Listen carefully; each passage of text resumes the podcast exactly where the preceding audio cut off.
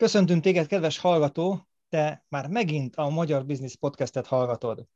Ha már ismersz minket, akkor tudod, hogy mi vagyunk, akik három földrészről, négy országból, öt magyar vállalkozóként indítottuk ezt a Magyar Business Podcast nevű csatornát, amit megtalálsz az összes kedvenc podcast lejátszódon, az összes nem kedvenc podcast lejátszódon is, weboldalunk is van, Facebookon is elérhetők vagyunk, sőt, még a YouTube-ra is föltesszük a podcastjeinket, állóképpel természetesen, hiszen ez nem YouTube videó, ez podcast.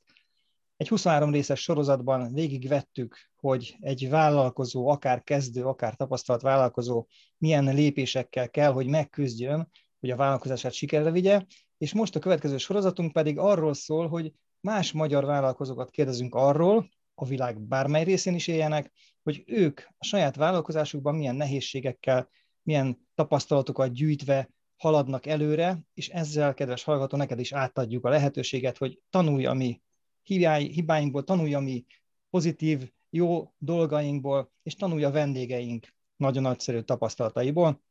A mai alkalommal Szabó Kristófot üdvözölhetem, és ha hallottad már ezt a nevet, hogy az online marketinges, akkor te, kedves hallgatónk, tudod is, hogy kiről van szó.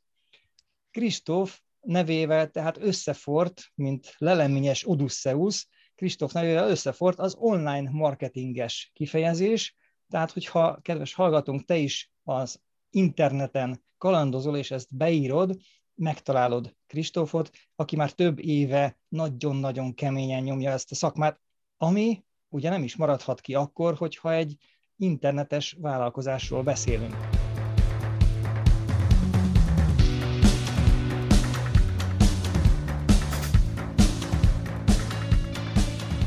Köszöntünk téged, Kristóf, köreinkben, körünkben, és mindjárt el is hangzik az első kérdés feléd. Az online marketinges. Honnan jött ez az ötlet, ez a, ez a leleményes Odysseus állandó jelző? Először is köszönöm szépen, most úgy éreztem magamat, mint egy boxmeccs előtt, akit így felvezetnek kicsit, de, de nagyon jó volt, úgyhogy köszönöm szépen. Hogy honnan jött az online marketinges, ez egy, ez egy nagyon érdekes történet, hiszen az online marketinges az úgy volt, hogy én először online marketinget akartam oktatni, és az első 400 követőig ugye azt is oktattam, csak nagyon hamar rá kellett jönnöm, hogy ez senkit nem érdekel a fiatalok közül. Tehát ez nem volt olyan szexi, úgymond. És 450 követőnél lehetett az, hogy feltettem egy sztoriban egy kérdést, hogy mi az, amiről szeretnének hallani. És azt hiszem négy ember válaszolt, abból kettő azt írta, hogy siker, a harmadik meg, hogy pénzkeresés, vállalkozás. És akkor mondom, hát jó, hát hogyha a többség ezt akarja, akkor legyen ez a téma. És ott változott meg erre az egész. Ami még egy vicces történet szerintem, hogy sokan nem tudják, hogy mit keres az online marketinges mögött a .co. És az érdekes, hogy onnan tudom, hogy pár oldal másol minket, hogy a neve mögé oda teszi, hogy .co. Mert azt gondolják, hogy ez jelent valamit de nem jelent valamit, hanem ez egy bénázás miatt van ott, hiszen amikor én beregisztráltam az online marketinges nevet, mint sima nevet az Instagramra, elment itthon az internet. És beregisztrált az online marketinges nevet, de ugyanakkor az e-mailt már nem küldte ki a jelszóval nekem, és így nem tudtak belépni abba a fiókba, viszont a fiók le van foglalva. És akkor felidegesítettem magamat, mondom, olyan van, hogy pont, pont, pont, hu, tehát hogy pont hura végződik, Mondom, akkor biztos, hogy .com-ra is lehet végződnie, mert ugye azt a domaint mi lefoglaltuk, hogy onlinemarketinges.com. De kiderült, hogy az Instagram a .com-ot már nem engedi, ezért annyit csináltam, hogy kitöröltem egy embetűt a végéről, és ezért lett .co. És sokan azt hiszik, hogy ennek van valami jelentése, vagy menü, és azért teszik oda, közben pedig egy ilyen bénázás miatt van ott a végén.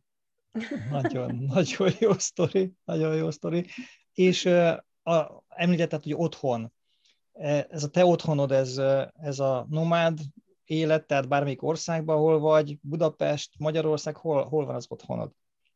Változó olyan szempontból, hogy amikor e, elkezdtem, én akkor jöttem haza Olaszországból, mert én fél évet kint éltem Olaszországba, Erasmusszal voltam még akkor kint, és én ott is vállalkoztam, csak nem ezt a vállalkozást csináltam, de egy nagyon hasonlót, ami ennek úgymond az elődje volt és én nagyon-nagyon szeretek utazni, nagyon sokat utaztam, voltam Brazíliában három hónapot, Németország, Portugália, Olaszország, sok helyen töltöttem időt, de mostanában már inkább itthon vagyok. És ez is egy érdekes történet, mert 24 éves vagyok most, pedig sokan általában ilyen 30-40-nek néznek, A szakát teszi, igen. Igen. Az olaszos szakát. Igen, igen. De az is érdekes, hogy én viszont itthon lakok, tehát a szüleimnél lakok még mindig, pedig már bőven lenne pénzem elköltözni egy elég jó albérletbe is, vagy bárhova. A másik, ami nagyon érdekes tudnivaló rólam, hogy én nagyon jobb vagyok a nagymamámmal. Olyan szinte jobb vagyok, hogy néha nála szoktam aludni még mindig. És ez az, amit szeretnék így közvetíteni a fiatalságnak is, hogy egyrészt ugye az értékeket átadni a fiatalságnak, másrészt meg az, hogy lenne pénzem elköltözni, de azt a pénzt inkább befektetem, és emiatt a jövőben egy sokkal nagyobb házba tudok majd úgymond költözni, ha szeretnék. És ez az, amit szeretnék neki közvetíteni. És te Kristóf, egy egri leányka az nem csavarta meg el úgy a szívedet, hogy inkább vele költöz össze? Igazából most van pont barátnőm, mert nekem ez nagyon össze-vissza volt mindig az életben a munka miatt, de most már azt mondhatom, hogy fél éve van egy barátnőm, akivel nagyon-nagyon jó vagyunk. Ő viszont győri. Tehát a kettő azért el, eléggé messze van egymástól. Pont most itt volt, és most ment haza, délbe ment el. És az a szerencsém, hogy ő nagyon-nagyon flexibilis ilyen szempontból, és ő tud jönni folyamatosan úgymond Egerbe, és akkor itt tudunk együtt lenni, meg el tudunk menni bármikor. Mert azt én nem tudnám megengedni magamnak, akár milyen munka, meg ilyenek, hogy, hogy folyamatosan utazgassak. Tehát azt meg tudnám engedni, hogy kiköltözök valahova, mondjuk nagyon sokat gondolkodtam rajta, csak jött a vírus, ugye, hogy megint kiköltözzek Olaszországba, már nekem az nagyon megfogta a szívemet, de utána jött a vírus, és emiatt nem költöztem ki. Viszont a folyamatos utazás, tehát hogy ingázni valahova, azt annyira nem szeretem, megmondom az őszintét. Ingáztam én eleget, mert eh, Miskolcon, Miskolcon jártam egyetemre, és eh, Miskolcon apukámnak volt egy lakása is, ráadásul a belvárosban egy nagyon nagy lakás. De az a baj, hogy az összes, eh, most ez kicsit off-topic, de elmondom, hogy az összes barátom az kolis volt. És Miskolcon úgy van, hogy külön van az egyetemváros, meg a rendes város, tehát így teljesen két külön helyen van. És az a baj, hogy ott volt egy óriási nagy lakás, de nagyon egyedül éreztem magamat, mert egyik barátom se jött be ugye a városba. És ezért én a második fél évnél úgy döntöttem, hogy hazajövök Egerbe, és minden nap reggel Eger-Miskolcot ingáztam. Reggel is, meg délután is, három éven keresztül, úgyhogy kicsit elegem van most már az ingázásból. De most jó honvágyat csináltál nekem. nem voltam otthon másfél éve, és akkor mondod a neveket, meg a városokat, és akkor előttem van, hogy ú, Miskolc, egyetemváros, ú, ott voltam egy csomószor, ú, Eger, gyorsan. Igen, igen. Mondjuk én most őszinte leszek, én szívesen lennék most Kuala Lumpurba, ha ez érdekel.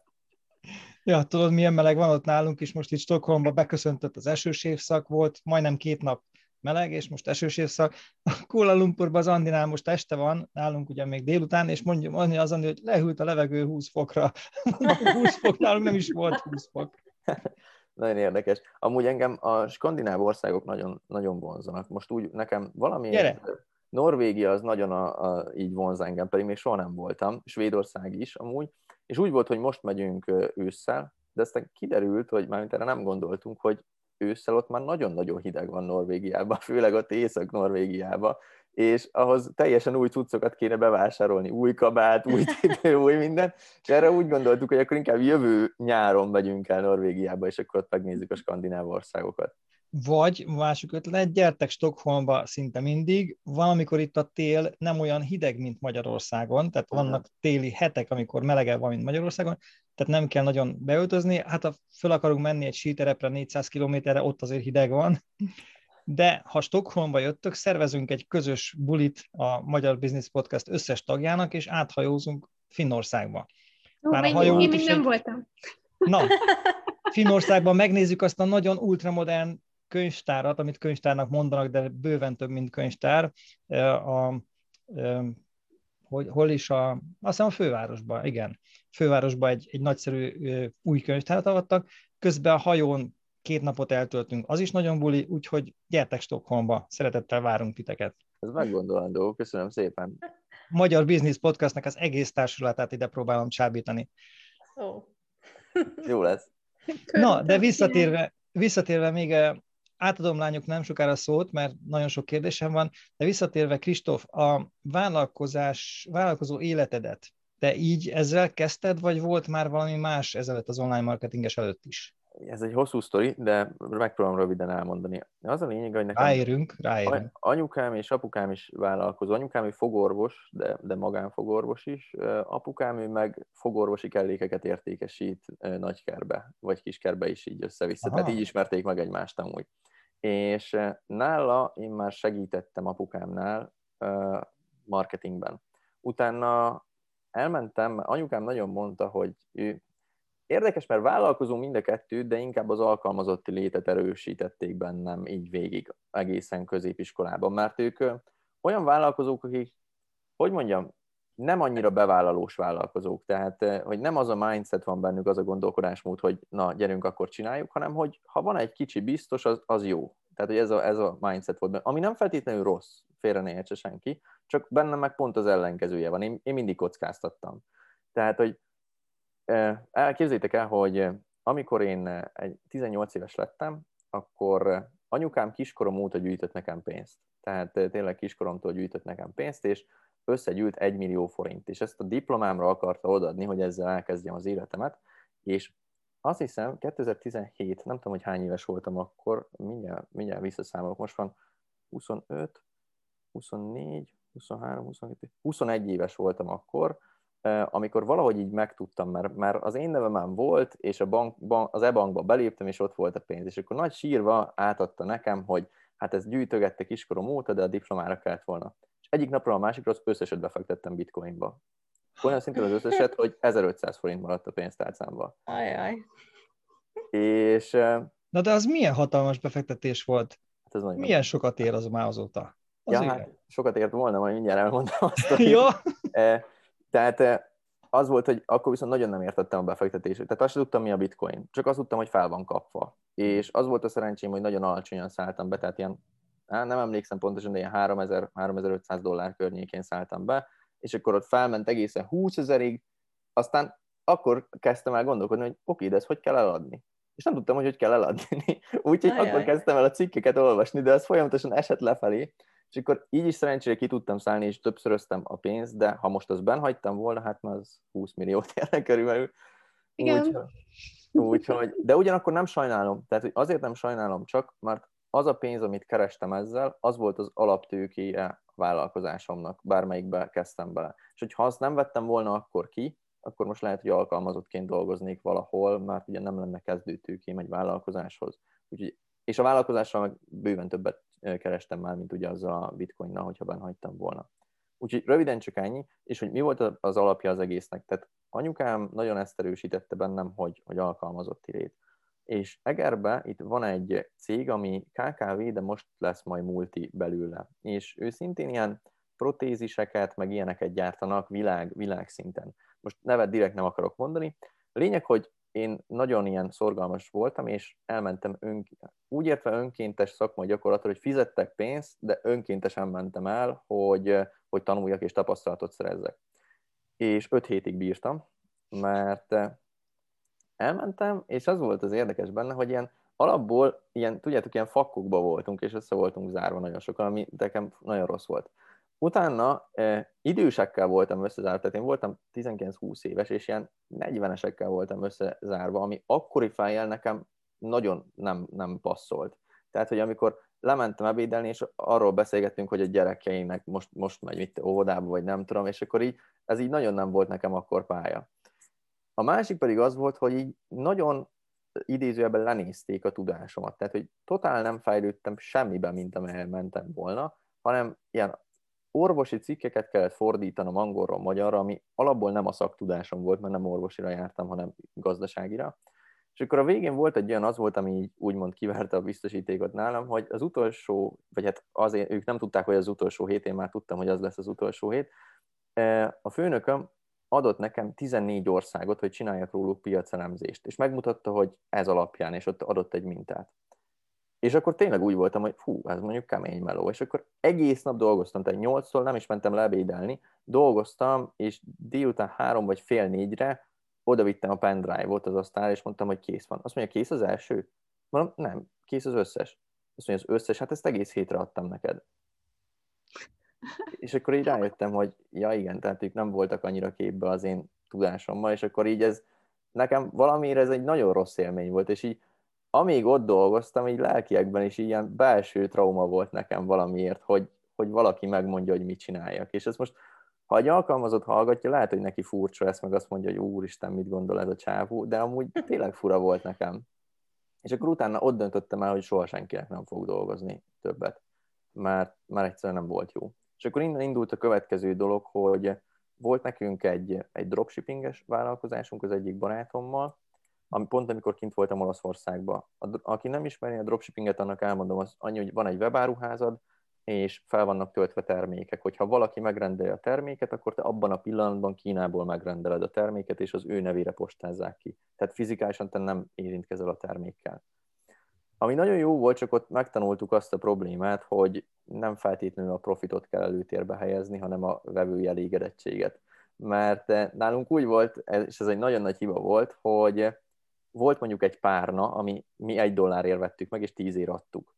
De ha mondjuk a gyorsabb száll, és így szállították 30 napig a párnát. De ha mondjuk azt mondtam volna, hogy csak egy dollárral többet fizetek a szállításra, akkor 7 napon belül ott lett volna a párna. Tehát úgy voltam, hogy nehogy már én fizessek többet a szállításra, úgyhogy 30 nap, hát odaér majd az a párna. Persze, csak soha senki nem vett tőlünk többet utána.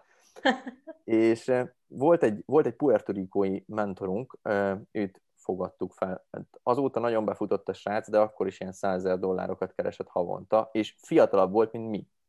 És az a durva, hogy eljött Magyarországra is, mert ő abból állt az élete, hogy így utazgatott, meg a dropshippinges vállalkozását csinálta. És én nem akartam elhinni, mert találkoztunk, és a csávó egy melegítőbe jött le, egy olyan kabátba, aminek ki volt égetve az ujja cigarettával szerintem.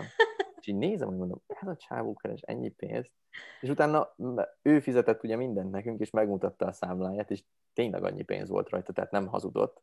De így rájöttem, hogy paszki, én azt hittem, hogy ilyen öltönybe, nyakkendőbe fog megjelenni, vagy valami, és akkor így tökre így összeomlott a fejembe az, hogy, hogy tudod idézélbe a gazdag emberek milyen elegánsak mindig. És tőle nagyon-nagyon sokat tanultunk, csak az volt a probléma utána a dropshipping hogy, hogy Magyarországon így szépen megnőttünk, úgymond, de ahhoz, hogy nagyot tudjunk volna növekedni, ahhoz egy brandet kellett volna építenünk, és az Amerikába egy brandet építeni az nem egy-két fillér, hanem az tényleg többbe került volna, és akkor inkább úgy voltuk, hogy ezt offoljuk, ezt a vállalkozást. De nagyon sok mindent tanultam, ott tanultam meg ugye a marketinget is főként, ott tanultam meg weboldalakat készíteni, webshopot, ilyenek. És utána a következő vállalkozás az az volt, hogy anyukámnak segítettem a marketingbe, mert neki jól ment nagyon, de az volt a problémája, hogy mindig úgymond idézőjelben a gyerekfogászat ment nála. Ami ő nagyon szereti a gyerekeket, de úgy volt vele, hogy én mondtam neki, hogy idő optimalizálás szempontjából jobban megéri neked, hogyha, hogyha egy műfogsort kell elkészíteni, mint hogyha egy tejfogat kell kihúzni. És akkor beismerte ő is, hogy ez igaz tényleg. Úgyhogy elkezdtem neki hirdetéseket futtatni idősebbeknek, akiknek mondjuk műfogsor kellene. Ami jól is ment szintén, csak eljutottunk oda, hogy már nem volt elég egy Facebook oldal, hanem kellett volna egy weboldalt csinálni. És őszinte leszek, hogy fájt a szívem valakinek kiadni 150 ezeret, hogy csináljon egy weboldalt, úgyhogy megtanultam én weboldalt készíteni egy három és fél órás YouTube videóból. És egy három és fél órás YouTube videóból összetettem anyának egy olyan weboldalt, ami a mai napig hozza, szállítja folyamatosan az érdeklődőket. És annyi volt az egész, hogy mit tudom én, csak arra optimalizáltam ugye, hogy Eger fogorvos mert annyira nem volt Eger, tehát hogyha bárki beüti most azt, hogy Eger fogorvos, lehet, hogy már egy-kettő versenytárs fellépett a piacra, de ilyen olyan béna weboldalak voltak, hogy volt egy fogorvos, akinek felmentem a weboldalára, és szó szerint egy, egy pornó hirdetés jött be, egy vírus jött be. És így néztem, mondom, úristen, ezek a versenytársak, mondom, hát ezt nem lehet így hagyni. Úgyhogy ez volt a következő, és akkor ezután jött egy, ott weboldalakat készítettem egy párat azért, és utána ezután jött az online marketinges Insta oldal. Hát üdítő példa vagy a marketinges szakmával. Te nem először tanítod, aztán utána olvasol, és netán még gyakorlatot is szerzel később, ha van rá időt, hanem te pont fordítva, hát ahogy logikus lenne, először gyakorlatot szerzel, tanulsz, és utána kezded tanítani. Nagyon jó. Nekem tetszik. Hát köszönöm szépen. Az a baj, hogy manapság tényleg nagyon sokan vannak, és én is látom, hogy így nem csak ez, de inkább a coach szakma is Magyarországon így kezd felhígulni, hogy rengeteg az úgymond ilyen fake gurú, vagy nem tudom, aki először próbál prédikálni valamit, és utána olvas utána, hogy mit is beszél. És sokszor van olyan, és onnan lehet kiszűrni, ezt a fiataloknak mondom, mert nagyon sokan belefutottak már abba a fiatalok közül, hogy kifizettek 10, 20, 50 vagy 100 ezer forintot is valakinek, aki amúgy annyit csinált, hogy egy angol videót lefordított magyarra, és, és eladta, mint hogyha az ő tudása lenne. Csak ezek ott buknak ki általában, hogyha felteszel nekik egy kérdést, akkor arra a kérdésre nem tud válaszolni, hiszen a videóban nem volt rá válasz, ugye? Aha. És így ő sem tud rá válaszolni. Illetve onnan tudod, e- ezt is megtapasztaltam már, ezt minden fiatalnak mondom, ha valaki azt mondja neked, hogy megtanít könnyen, gyorsan sok pénzt keresni, az biztos, hogy kamu. És onnan tudom, hogy én már rengetegszer befizettem erre, és mindig kamu volt. és, mert ebből a háromból mindig csak kettő teljesülhet. Tehát gyorsan, könnyen lehet pénzt keresni, de nem sokat. Könnyen is lehet sok pénzt keresni, de nem gyorsan, és gyorsan és könnyen is lehet pénzt keresni, de nem sokat, ugye? Úgyhogy mindig csak kettő, mindig csak kettő teljesül ezek közül. Aha, nagyon jó. És miért online marketing? Miért szakosodtál erre? A sok weboldal készítés miatt? Vagy valami más is volt mögött? Igazából csak úgy, hát úgy érdekelt engem valamiért. Tehát, hogy jobban érdekelt ez, mint a marketingnek bármelyik területe. Meg amikor én egyetemre jártam, már akkor is úgy érdekelgetett a marketing, de nem annyira, mert akkor még nem tudtam, hogy mivel szeretnék foglalkozni. És ott az volt, hogy bejött a tanár az első órára, és azt mondta, hogy fiatalok, most egy új dologról fogunk tanulni. És már akkor tökre így elkezdtem gondolkodni, hogy fú, mi lesz most YouTube, Facebook hirdetések, Instagram esetleg. TikTok még akkor nem volt, akkor még talán Musical.ly néven futott ez. És akkor egy nagy csend, és azt mondja, hogy kuponkódok. És én így néztem, mondom, ez, ez, ez évtizedekkel ezelőtt is használtak már kuponkódokat az emberek. Azt hittem vicc, aztán kiderült, hogy nem vicc, tényleg erről beszéltünk, csak ugye az online kuponkódokról beszéltem, amit a webshopon kell beírni. De hát, hogy olyan szinten le van maradva szerintem itthon az oktatás ilyen szempontból, hogy, hogy az hihetetlen. Tehát vannak ismerőseim, akik kint tanulnak Hollandiába, meg Dániába, és Hollandiában projekt alapú oktatás van. Az azt jelenti, hogy mindenféle évben van úgymond egy-egy projekt. És képzétek el, hogy ő olyat tanul, hogy kreatív biznisz, azt hiszem ez a szak. Alapból brutál jól hangzik, tehát hogy én tuti arra mentem volna. És volt olyan órájuk, hogy csoportokba kellett rendeződni, és egy fél év alatt létre kellett hozni egy vállalkozást. És amennyi profitot generált a vállalkozás, az alapján kapták a jegyet. Hát ez nagyon jó.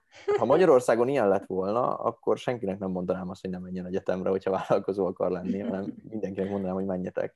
Én szerintem még mindig nincs az a probléma, hogy valahogy annyira lassan terjed az információ, vagy annyira lassan csöpögtetik az információt, hogy visszatartják, vagy én nem is tudom, mi van mögötte, vagy egyszerűen nem látsz fejlődést. És Meg... tényleg öt évvel ezelőtt jöttem el Magyarországról, beszélgettek az ismerőseimmel, itt vagyok ebben a podcastban, és én néha úgy érzem, hogy annyi mindent kell segíteni, vagy annyi minden információ, hogy nem is fér bele ebbe a podcastba az a segítség, ami Magyarországon, amire Magyarországon ma szükség lenne. Hát meg a másik, amit, mert ugye én, én főleg a fiatalokról tudok beszélni, mert naponta ilyen 70-80 fiatal ír rám, hogy, és így nagyjából látom a trendeket, és sok fiatal ezt kérdezi tőlem, hogy ahhoz, hogy vállalkozó legyen, kell-e diploma? És, és ugye nem, nem értik azt, hogy ugye attól függ, hogy mi akarsz lenni, mert mondjuk, hogy te egy építész szeretnél lenni, és úgy vállalkozó, akkor az kell diploma, mert anélkül nem, nem nincsen meg az az okmányod. Ha te magánorvos akarsz lenni, ami szintén lehet vállalkozás, ugye, ahhoz is kell diploma, de a nagy részéhez nem kell diploma, és hogy az a baj, hogy a fiatalok, akik gazdasági szakra mennek, azok általánosítják, hogy majd ők megtanítanak a vállalkozásra. De hogy várjuk el azt egy egyetemi professzortól, hogy megtanítson vállalkozni, amikor ő maga sem vállalkozik? Ja, elméleti vállalkozók. Igen. Elméletben mindent tudnak, a gyakorlatban is csak az első lépésnél buknának meg, úgyhogy nagyon jó tőlük tanulni. Egyébként pont ez a projekt alapú oktatás megy Finnországba is, ott már nagyon régóta, és ezt lehet, hogy átvették, lehet, hogy saját szakára, de Svédországban is ez megy az iskolákba. Már nagyon-nagyon régen inkább az online típusú oktatások és projekttervezések mennek, úgyhogy nálunk nem is volt tavaly márciusban, nem is volt nagy gond átállni az online oktatásra, mert szinte már úgy folyt. Tehát itt azért nem is voltak lezárások sem. Tehát hát ez, ez nagy előny. Hát ezt lenne nagyon jó bevezetni Magyarországon is, de, de bárkinek, aki most már úgy, úgy vállalkozóvá akar válni, azért az online térbe azért van választási lehetősége. Például az online marketinges váromik weboldalát felkeresni, ugye, Kristóf?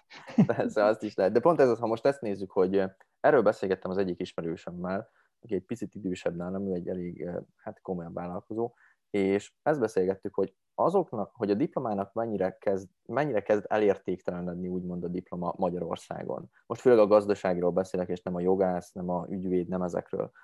Mert ha megnézzük, akkor van egy olyan diploma, ahol, vagy van egy olyan egyetem, ahol, ahol elméleti oktatás van, ami évekkel, de néha évtizeddel le van maradva. Főleg a marketingben, ami azért egy elég gyorsan változó üzletág. Erre még rájön az, hogy most ugye online oktatás volt, tehát ergo minden fiatal, akinek volt épesze, kipuskázta a dolgokat, és úgy, úgy ment végig az egész éven, vagy egész másfél éven. És ennek az eredménye az, hogy kikerül egy fiatal gyerek az egyetemről, egy olyan diplomával, aminek amúgy nem sok értelme van, meg értéke, mert elméleti tudás van benne, ami le van maradva, plusz ez a srác még azt is kipuskázta, tehát valószínűleg nulla tudása van a marketingbe. És ezért, mint munkáltató úgymond, nem szívesen alkalmaznék én olyan, persze ez általánosítás, de nem szívesen alkalmaznék olyan fiatalt, aki mondjuk most került ki egy marketinges egyetemről Magyarországon. És én mindig is úgy, alka, úgy vettem fel alvállalkozókat, hogy soha senkinek nem néztem meg, hogy van-e diplomája. De még az, hogy érettségie van-e. Semmit nem néztem meg. Az volt, hogy mindenki kapott tőlem egy próbamunkát, és ahogy elkészítette a próbamunkát, az alapján választottam ki az embereket. És azóta brutálisan jó a csapat egyszerűen. A másik, amit, amit akarok mondani, hogy validáljon egy kicsit engem, hogy a Google-nél ugyanez van. Tehát a Google-nek, az alkalmazottainak a 14%-ának nincs diplomája már. És úgy van a Google-nél a felvételi bizonyos szakágakban, hogy bemész, adnak egy feladatot. Ha meg tudod oldani, felvettek. Ha nem tudod megoldani, lehet neked 6 vagy 7 diplomád is, akkor sem vesznek fel. Hát vigyázz, Kristóf, a Google-nek van a legjobb keresője. Csak rád keres, lemásol téged, kopizik, és már kész, már fölfut egy ilyen világcég, úgyhogy nagyon, nagyon kell óvatoskodni. A csapatodról azért kérdeznék, hogy hány főből áll a csapatod, és hogyha ha jelentkezik hozzád egy vállalkozó, hogy szeretné tőletek megtanulni az okosságot, mert nem szeretne elbukni a vállalkozásában, ellentétben azzal, amit nagyon sok ilyen tréner tanít, hogy bukjál sokat, meg bukjál nagyokat, hihetetlen. Tehát tőletek inkább a pozitív dolgot akarja tanulni, akkor te most beosztod egy munkatársadhoz, vagy az egész csapat elkezd rajta dolgozni, vagy ez hogy, hogy kell ezt elképzelni? Őszinte leszek, eh, folyamatosan változik. Tehát most amúgy kilenc fő van velem együtt a csapatomba, és eh, velük dolgozom. Itt volt egy nagy hibám, erről szeretnék beszélni, hogy mert hát ha sok embernek értékes lesz, hogy nekem nagyon nagy mértékben nőtt a csapatom, és rapid módon. Tehát, hogy úgy volt, hogy egyről kettőre, utána három, és nyolc és nyolc ember teljesen máshogy kell irányítani, mint kettőt. És ez egy óriási nagy feladat volt számomra, és hát megszivattam magamat mondjuk akkor szép szóval így, mert kb. három hónapom arra ment el, hogy csak olyan könyvek, például ilyen könyveket olvastam, mint Simon Sineknek a Találd meg, ami érted, meg kezdj, ami értel, meg ilyeneket, hogy megtanuljam, hogyan kell úgymond irányítani. Tehát, hogy hogyan legyek vezető, és ne főnök. Ez, mert, ez én, mert nekem az apukám az a tiszta megtestesítője a főnöknek amúgy. Tehát, hogy nagyon szeretem, meg minden, de ő egy tipikus főnök, és nem egy vezető.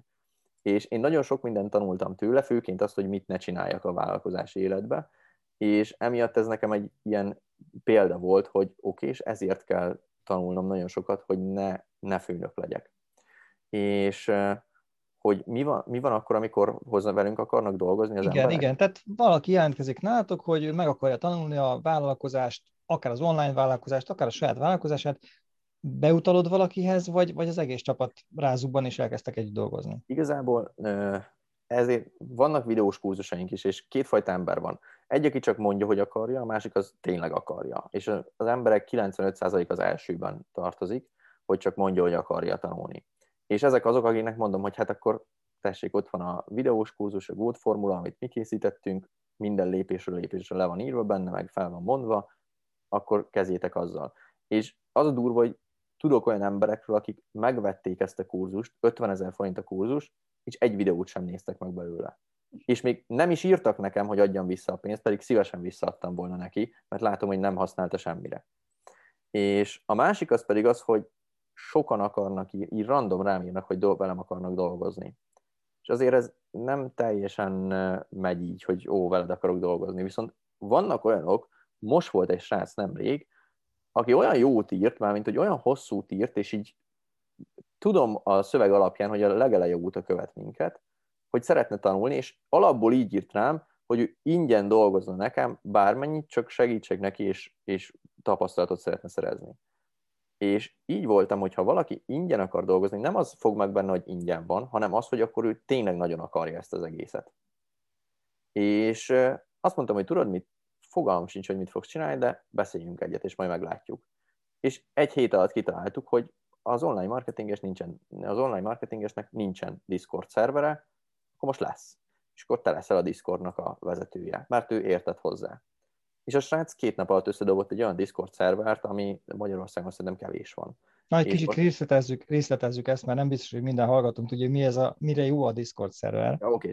Őszinte leszek, én sem nagyon tudom, én is most kezdtem ebbe bele, de a Discord jó. szerver uh, amúgy annyit tud, hogy sokkal jobban lehet közösséget építeni, mint mondjuk egy Facebook csoportban, mert ugye csatornák vannak rajta, van hangcsatorna, meg van írásbeli csatorna is, és külön van osztva, hogy mondjuk, ha valaki a Forexről akar érdeklődni, az itt cseteljen. Ha valaki a vállalkozásra akar érdeklődni, az itt cseteljen. És akkor így nagyon könnyen össze lehet hozni azokat az embereket, akik hasonló érdeklődésű körök, és ezek tudnak ismerkedni egymással. És a Discord szerintem most fog felfutni, tehát most van felívelő ágban, és én, én most mindenkinek tudom vakon azt mondani, hogy aki közösséget szeretne építeni, és fiatal a célközönsége, az, az menjen a Discord felé, mert egyszerűen annyi időt töltenek a fiatalok a Discordon, és onnan tudom, hogy, hogy kezd ez felfutni, hogy nekem tesóm használta csak a Discordot, aki 17 éves, de ő már régóta használja, és most az egyik, mit tenni, Gary V-nek azt hiszem neki is volt most valami, ő is Discord csinált. Mit csináltam? Letöltöttem én is, meg letöltötte három barátom is, akik szintén 20x évesek. Tehát innen tudom, hogy kezd úgymond beöregedni a platform, mint ami mindenhol volt. Tehát menjünk vissza akár az Instagramra is. Minden, minden platformnál úgy van, hogy egy idő után beöregedik a platform. Ez volt régen a Facebookkal, az Instával most kezdődik. is kezdi, mert elkezdték az oktatást jelleget, és nem csak táncolás van, és próbálják igen. afelé nyomni, hogy egy kicsit idősödjön a platform. A TikTok ugyanez, de ez általában, tehát hogy ez általában nem feltétlenül a platform irányítja ezt, hanem magák, maguk a felhasználók. Egyszer ez egyik amerikai mentor mesélt el nekem, és, és akkor értettem meg, hogy baszki, tényleg így van, hogy van az Instagram mondjuk, felregisztrál az én tesóm, aki mondjuk most tegyük fel, hogy nincs a vírus, bulizik folyamatosan. Én mondjuk azért regisztrálok fel, mert meg akarom nézni, hogy ő mit csinál. Kíváncsi vagyok, hogy miket tesz ki, mondjuk felregisztráltam én, akkor már felregisztrálnak a barátaim is. Előbb-utóbb eljutunk arra, hogy mondjuk olyan 28 évesek, 25-28 évesek felregisztrálnak, ahol már valószínűleg mondjuk jön egy baba valakinek. Ha jön egy baba, ő hova fogja kiposztolni a kisfiáról vagy a kislányáról a képet? Az Instagramra. Emiatt le fogja tölteni az anyukája, mert szeretné megnézni a, az unokáját, és letölti ő is az applikációt. Ha ő letöltötte, elkezdi letölteni az ő ismerőse is, és így öregedik be általában egy platform. Aha, hát igen, ez a Facebooknál ez, ez nagyon, nagyon előregedett már szinte járókerettel jár már a Facebook néha, úgy vesszük észre mi is. Hát nekem és... a mamám, nem, nem akarok hazudni, szerintem napi 5-6 órát néha szokott rajta lógni. Mamámnak olyan a, a Facebook profilja, mint egy, egy rendőrségi hírpoltár. Csak elveszett táskák vannak rajta, elveszett gyerekek, meg ilyenek, amiket meg kell osztani úgy, ahogy meglegyenek. Talán a fiatalok ezért távoznak olyan sürgősen a Facebookról, és most már talán az Instagramról is, ugye a TikTok meg. Egy valamit, megint eszembe jutott egy kérdés, lányokat nem fogom hagyni szóhoz jutni. A Clubhouse és a, a Discord között van-e valamilyen párhuzam, vagy, vagy látsz-e valami? Nem kezdtük el a Clubhouse-t is, tehát hogy van most már Clubhouse-unk is, már csináltunk három vagy négy adást ott is. Clubhouse jó, az egyetlen hátránya, két hátránya van, abból az egyik már szerintem kezd meg, sőt, három hátránya van, abból az egyik már kezd megoldódni. A három hátrány, az egyik, hogy korlátozott számban, ugye, mert meghívó alapján kell bekerülni. Ez már kezd megoldódni, mert ha valakinek van klubja, akkor azt hiszem száz embereket át tud vinni a, a Clubhouse-ra. Tehát egy, egy ilyen eseménynél van száz meghívód, és akkor száz ember tudsz úgymond felregisztráltatni.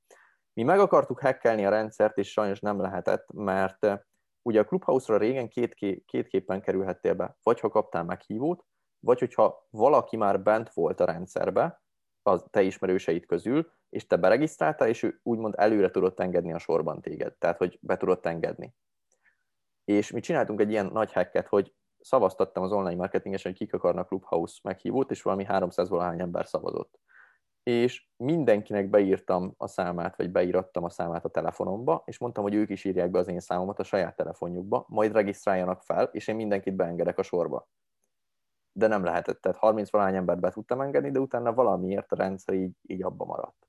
És akkor utána innen-onnan szereztem meghívókat, aztán 100 valahány embert be tudtam engedni, de ennyi volt. Tehát ez az első hátrány. A második hátrány, hogy ugye azok a beszélgetések, amik ott vannak, elvesznek. És most már van erre megoldás talán, de még én nem találtam jót, hogy fel lehet venni, és felveszik, és akkor podcast lesz belőle, ami nem rossz azért, de, de nem, egy, nem egy igazi podcast szerintem. A harmadik hátránya, ami a legnagyobb hátrány, hogy iOS-re van csak, és Magyarországon nagyon sok embernek Androidja van még, és nem iOS-e. És emiatt, tehát ott van nekünk a TikTokon 130 ezer követő majdnem, Instán 22 ezer vagy 21, a Youtube-on is 10 valamennyi, és a Clubhouse-on van 100. És a Clubhouse-on olyan értékes, tehát hogy volt egy beszélgetésünk a leges-legelső, amikor két online marketinges srácot hívtam be ugye a csapatunkból, és a kripto befektetésekről beszéltünk. És olyan szinten elmondtuk, tehát hogy mindent elmondtunk, a, a, amit mi tudunk a kriptókról, az összes befektetésünket kielemeztük, és nulla ember hallgatta, egy ember volt, aki az utolsó egy percre becsatlakozott. Majd utána egy hónappal visszanéztem azokat, hogy miket mondtunk. Nem volt ugye befektetési tanácsadás, csak el, elmeséltük, hogy mi még befektetünk. Aki végighallgatta volna azt és befektet, háromszorozta volna a pénzét. Csak az, hogy végighallgatja. Az igen. És ez az érdekes szerintem, hogy nincs annyira még elterjedve Magyarországon. Tehát, hogy Amerikában ez nagyon fut, meg minden, meg, meg ez a tipikus access, tehát hogy hozzáférhetsz az ilyen nagy celebekhez, mert volt olyan ismerősöm, aki 50 centtel volt egy szobába, és rajta kívül 150-en voltak benne. Azért ilyet a mai világban nem tudsz elképzelni egyszerűen. Ja, hát mi is voltunk Black Eyed peas Na, igen, igen. Viszont nagyon, tehát nagyon értékes beszélgetések folynak ott. Én nekem szimplán csak, nem tudom, én nem szeretem végighallgatni, mert ezeknek a beszélgetéseknek egy része ilyen bullshit. Tehát, hogy egy része az, amikor tényleg értékes dolgokról beszélnek, de a másik az ilyen chit tudod, hogy így beszélgetnek össze-vissza. És én nagyon szeretem optimalizálni az időmet, és ezt pont nem hallgatom ezeket emiatt, mert sokat chit benne, eh, ami, ami számomra nem értékes. Úgyhogy én inkább, eh, inkább felolvasok mondjuk egy, egy blogposztot, vagy felolvastatok egy blogposztot, vagy valamit, amiben tudom, hogy, hogy csak a lényeg van benne. És most Seth Godint hallgattam, és ő mondta, hogy az elején nagyon szerette a Clubhouse, de most már nem nagyon szereti, mert hogy mindenki inkább pénzszerzésre használja, és direktben mennek a Clubhouse szobák, ahol ugye van négy moderátor, és akkor ők a saját okosságaikat, meg termékeiket próbálják nyomni egész végig, és nem nagyon engedik már az embereket beszélni. Tehát én nagyon szívesen választok inkább 15 fős csoportokat, ahol mondjuk tudsz beszélgetni, és hozzáférsz a színpadhoz, mint hogy belemész egy csoportba, ahol vannak ezren, és csak hallgatod a sok embert a, a, a színpadon, és nem tudsz hozzáférni, nem adnak olyan információt, úgyhogy ja, kicsit változik itt is a helyzet szerintem. Az, az elején nagyon mindenki oda volt érte, hogy ez egy mekkora platform, és hogy szabadon lehet beszélni, ráadásul nem kell lehetsz pizsamában, néhányan főztek, ki a háttérben ment minden a gyerekzajtól kezdve a, az életzajok, ami még érdekes is tette a beszélgetéseket, de most már minden megszervezve, tehát ahogy minden platformon, ahogy beszéltük, megváltozik egy idő után, hogy mindenki a pénzt, a monetalizálást fogja előtérbe helyezni. És az a kérdés, mert ezt is hallottam pár embertől, hogy vajon a Clubhouse megmarad egy saját applikáció, vagy lesz belőle egy funkció más applikációkban? Mert én simán el tudom képzelni, hogy mondjuk a Facebook kidob egy olyan, egy olyan funkciót, mint a Clubhouse. Mhm. Ugyanúgy, ahogy kidobta a Roomzot is, ami a, nem tudom, Zoom helyett lett volna, csak ezt nagyon sokan nem használják de ugyanaz, amikor a Snapchat kidobta a sztorikat, és a Snapchatben olyan sokat nem futott, viszont az Insta átvette, és óriási lett belőle. Hát vagy a YouTube Short, vagy a, a nem short. most az Insta Reel, most hát, az most TikTok. Ugyanaz Tehát, a TikTokot mindenki átveszi. Tehát mindenki átveszi a TikTokot, mert ugye, úgy, ahogy mondod, volt a YouTube Shorts, Insta Reels, meg most kijött a Snapchat Spotlight is, ami ugyanaz, a Snapchat Spotlight, most próbálkozok vele, de hát én a Snapchathez olyan buta vagyok, hogy ezt el nem tudom mondani. Ide-oda húzom, azt a végén azt látom, hogy már valahova elkeveredtem a menük között, és nem tudok visszamenni. És akkor általában tesómtól szoktam kérni segítséget, mert már ilyenkor öregnek érzem magam, hogy hogy kell visszamenni ide. És az, a Snapchat Spotlight annyiban jobb, csak, hogy fizet, ráadásul nem is keveset fizet, mert hogyha kikerül a te videód úgymond a for you-ba, vagy nem tudom mibe, akkor hallottam olyat, hogy valakinek volt 400 ezer megtekintése, és keresett 7000 dollárt vele. És a TikTokon nekem több helyen is volt 400 ezer megtekintésem, és ugye kerestem eddig 150 forintot a TikTokkal, vagy nem is tudom, ilyen irreálisan keresett, de ugye nem is arra használom. Tehát, hogy a, a Snapchat esetleg abból lehet jobb, hogy ha tényleg befut, hogy azzal tényleg pénzt lehet keresni, és a, a creatorok át fognak pártolni lehet oda, mert ugye evidens, hogy nem mindegy, hogy most vagy teljesen mindegy pontosabban, hogy hova gyártasz tartalmat, de hogyha az egyik tízszer annyit fizet, mint a másik, akkor lehet, hogy inkább oda fogom kitenni. Mondjuk a, a, ehhez a gondolatmehethez hozzáfűző, a Facebookon már voltak olyan posztok, meg a cukorfiú már csinált olyan bejelentést a Facebookon, hogy áttérnek a hangalapú applikációk fejlesztésére. Persze, hogy soha nem fogja mondani, hogy valahonnan átvett applikációfejlesztés, hanem, hanem lesz a Facebookon is podcast-szerű alkalmazás, biztos, hogy be fogja szippantani. Ugye érdekes módon, majdnem azt mondtam, hogy visszafelé megy a világ, hiszen mi már évtizedek óta tanítjuk a fényképezés és videóval járó hatalmas nagy előnyöket. Ugye most már azt, hogy a, videónak sokkal nagyobb az elérése, mint egy fotónak, pláne, hogyha nem is saját fotó, hanem az internetről letöltött fotó, és akkor most erre bejön a, a, a hangalapú marketing, vagy egy hangalapú megjelenés, és akkor most már, már a Facebookon is, ugye? És már a, a klubhoz is ezért indult, vagy így indult. De Sajnos az emberek egyre lustábbak egyébként, és azért megy a Lehet. hang elé, mert Gary is azt mondta, hogy az lesz a jövő, és én ezt tapasztalom mindenkivel, hogy felmondani egy hangüzenetet sokkal könnyebb, mint becsetelni, meg beírogatni, és mindenki is, tehát már nem, nem úgy működik az agyunk. Szerintem nem is fogunk tudni írni. Őszintén nem fogunk tudni írni egy pár év múlva, csak beszélni. Hát én, nagyon, nagyon kíváncsi ezek erre, de ez, ez szintén azt hiszem pont Gary Vee mondta egy ilyen interjújában, hogy, hogy minden ugye a hangalapú keresés felé is megy, és hogy tényleg ott megmutatta, hogy 5 másodperc alatt ennyit mondta, hogy hey Siri, order me a purse, és akkor a, tehát, hogy rendelj egy táskát nekem. És csak megkérdezte, hogy ez jó lesz, és azt mondta, hogy yes. És akkor automatikusan megrendelte a saját ház számára, és levonta az Apple, Apple Pay-ből a pénzt. És 5 másodpercen belül vett neki egy táskát körülbelül. Tehát, hogy nagyon durva, hogy elfelé megy tényleg a világ, a gyorsaság, az AI, én amúgy ebben a mesterséges intelligenciában nagyon hiszek, most nagyon sok mindenben segít nekem is. Ugyanakkor, főleg marketingben. Főleg marketing, viszont ugyanakkor nagyon, nagyon veszélyes is szerintem, ezt még nem, ebbe még nem, ebbe még nem ástam bele magamat annyira, de egyelőre csak azt látom, hogy nagyon sokat segít nekem, és hogy tényleg e felé megy el a világ szerintem, hogy most, aki, tudjátok, van ez a SEO, tehát a CEO, tehát hogy a Search Engine Optimization, Ja. És hogy sokan mondják azt, hogy két-három vagy négy év múlva már nem biztos, hogy akkora eredménye lesz ennek a SEO-nak, mert azt fogod mondani, hogy hey Siri, buy me a purse, és akkor a Siri fogja kiválogatni neked, hogy melyik a legjobb, és nem a Google fogja kiválogatni, hogy melyik a legjobb. Meg eleve a, a kereső optimizálást is AI-jal fogják csinálni. Igen meg egy csomó minden megváltozik, már, már konteszteket, copyrightokat, szövegeket tudnak komplexen írni, mert van négy vagy öt alkalmazás láttam, amiben beírod a kezdő mondatot, és utána befejezi neked, és megírja a, a tartalmat posztjaidhoz. Szóval mert nagyon okos, okos dolgok vannak, és szerintem a marketingesek meg egy kicsit félni kell ilyen szempontból, mert a legtöbb marketinges munkát át fogja venni, ami marad, az mind adatoptimalizálás, adatelemzés, adat szerkesztés, összehozni a, az összefüggéseket, építeni rendszereket. Tehát én azt szoktam, igen, azt szoktam erre mondani, ugye mondjuk filmes szemmel, mert én filmes operatőri ismereteket hamarabb tanultam meg, mint az általános iskolai tanári szakmámat. Én azt szoktam mondani, hogy meg kell most már nézni négy-öt évvel ezelőtti nagy játékfilmeket, vagy mostanában futó sorozatokat.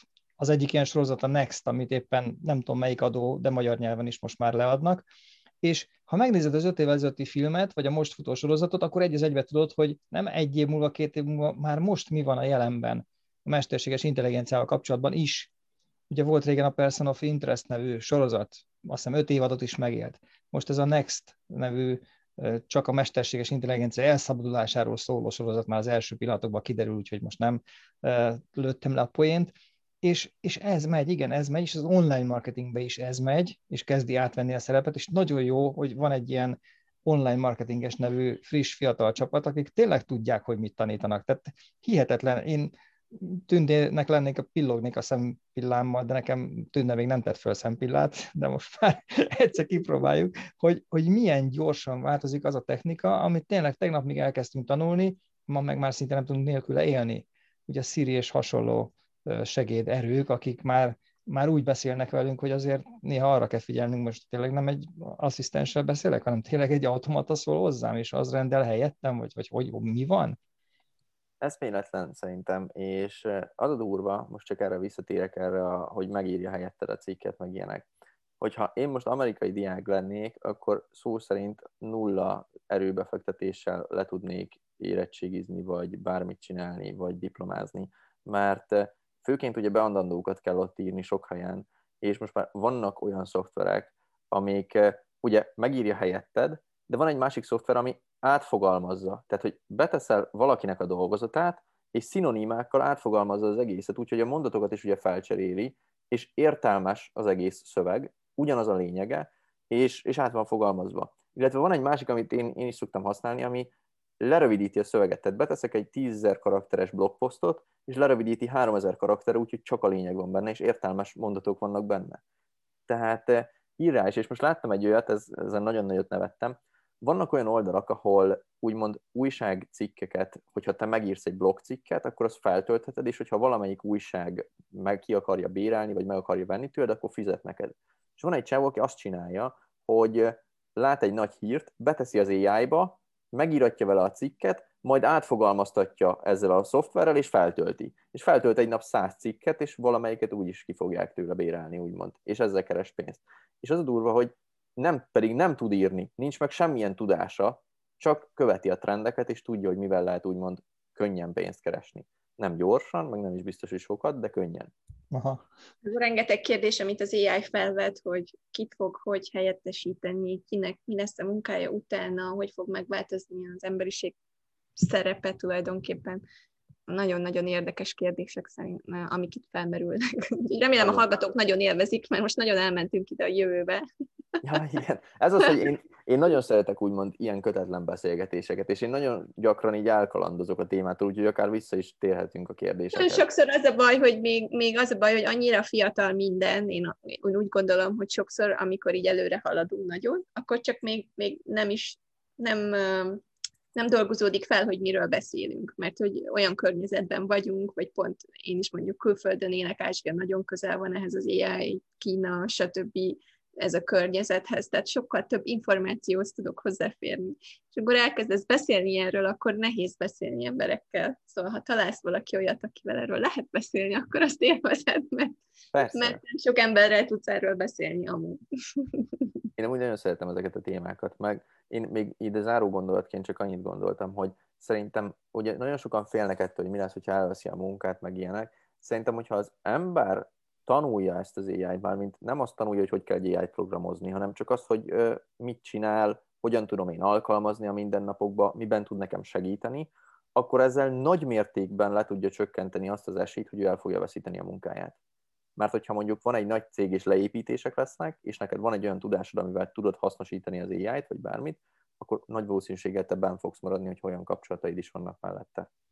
Pontosan, meg már a gyerekeket is iskolában is már elő kell készíteni ezekre a dolgokra, meg elmondani nekik, mire kell figyelni. Én nagy sokszor azt is hiányolom, hogy nem tudom, hogy nálad hogy volt, de nagyon sokan nem beszélnek arról, hogy, hogy mi az internet, mi az a sok információ, minden igaz-e, nem, nem igaz-e.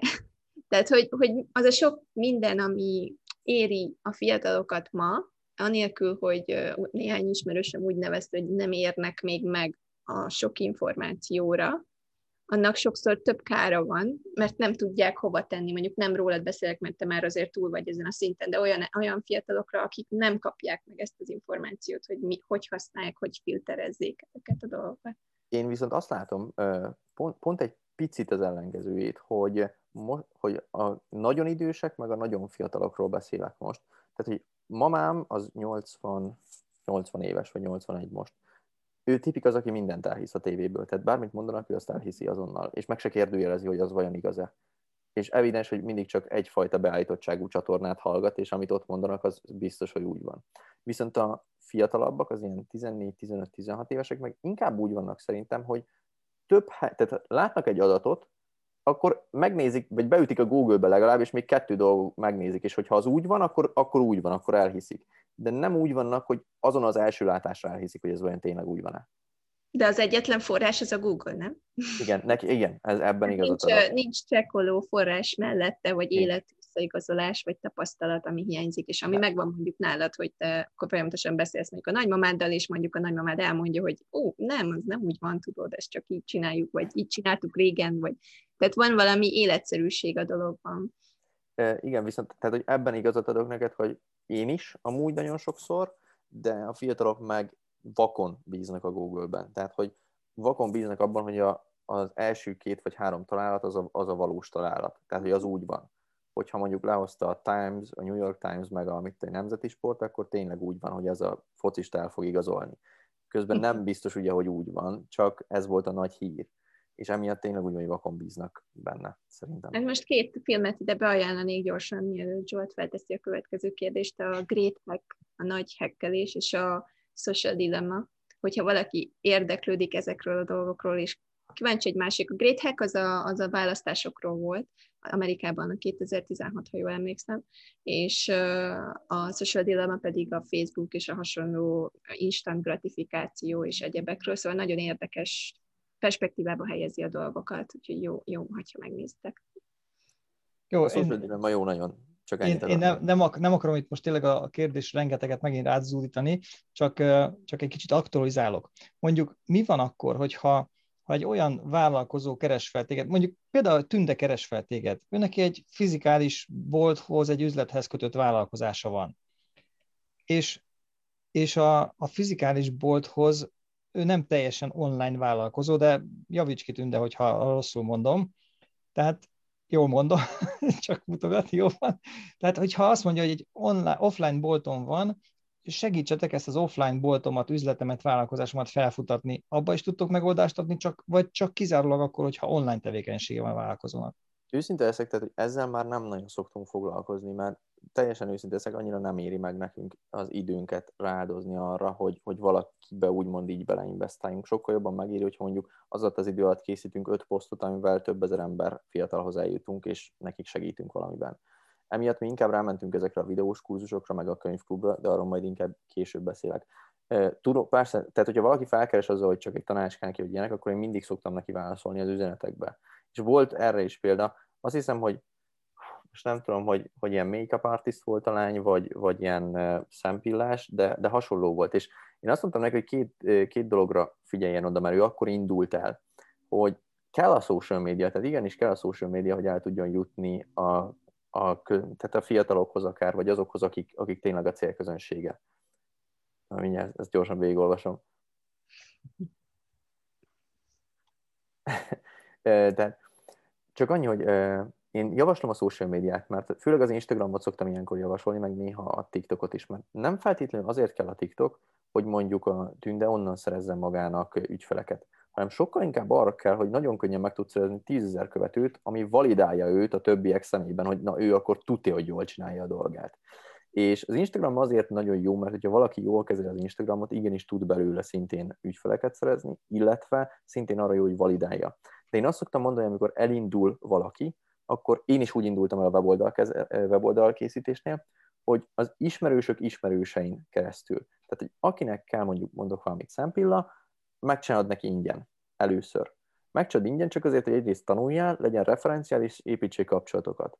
Ha megcsináltad neki ingyen és jól sikerült, akkor megkéred, hogy esetleg tudna ajánlani kettő olyan ismerősét, akinek szintén szüksége lenne erre és akkor nekik mondjuk megcsinálod 50%-os kedvezménnyel, vagy valamivel, teljesen mindegy. A lényeg csak, hogy elinduljon ez a kapcsolati háló, és ajánlások útján ez a word of mouth tudja terjedni. És én mindenkinek amúgy, aki szolgáltatás alapú és offline, annak ezt szoktam ajánlani, hogy úgymond egy bőséges cserébe kell belemenni. Ezt én az egyik magyar mentoromtól tanultam. Bőséges csere azt jelenti, hogy sokkal jobban jár ő, mint, mint te. Tehát, hogy weboldal készítésnél mondok erre egy példát. 260 ezer forintért készítettem el én egy egyoldalas weboldalt. Viszont az csak egy landing page volt. És a végén nem csak a landing page-et adtam át, hanem átadtam egy kontaktoldalt, meg egy about oldalt is. Mert azt mondtam neki, hogy figyelj Zsolt, ebben egyeztünk meg, de úgy gondolom, hogy enélkül nem lett volna teljes, úgyhogy ezeket ingyen megcsináltam neked, így lesz szerintem király ez a projekt. Akkor Zsoltban az van, hogy baszki, hát ha egy oldal volt 260, akkor ez, ez 520 ezer forint értéket adott most nekem ingyen. És ő alapból így volt, hogy azt a, ilyen wow faktor volt az egész. És akkor én ennyit kértem csak, hogy figyelj Zsolt, őszinte leszek, én nagyon szerettem veled együtt dolgozni, és van egy olyan mondás, hogy ideális ügyfélnek ideális ügyfél barátai vannak. Ezért arra kérnélek, hogyha van kettő olyan ismerősöd, aki tudnál nekem ajánlani, akinek tudnék segíteni a szolgáltatásommal, akkor kérlek, ne tarts magadba. És ennyi. Ennyi volt az egész, és akkor úgymond tényleg ilyen word of mouth útján elkezdett terjedni az egész. Persze ez nem gyors, hozzáteszem, tehát ez nem a könnyen gyorsan sok pénzt, viszont stabil. Mert ezek a kapcsolatok stabilan megmaradnak, hogyha te jó szolgáltatást tudsz nyújtani az adott embernek. És a, más, a másik, amit még akartam ide mondani, hú, most ezt pillanat ráfejtettem, de igen, megvan. Azt akartam még ide mondani, hogy azért kell kettőt kérni mindig, mert ha csak egyet kérsz, akkor az ember azt mondja, hogy hát most hirtelen nem jut eszembe. Ha kettőt kérsz, akkor egy biztos eszébe jut. Aha. Érdekes módon, ez pszichológia. És a, amit még tudnék mondani, hogy tény, tehát, hogy nem haltak ki idézőjelbe az influencerek, hanem úgy haltak ki, hogy a nagy influencerek már szerintem kihaltak. Tehát akinek több százer követője van, és minden második posztjába hirdet valamit, az már kihalt, mert az emberek, tehát akik követik őt, azok már úgymond ilyen farkasvakságban vannak, hogy bármilyen hirdetés kit, ez nem érdeklik annyira. Viszont a mikroinfluencerek azok most futnak fel.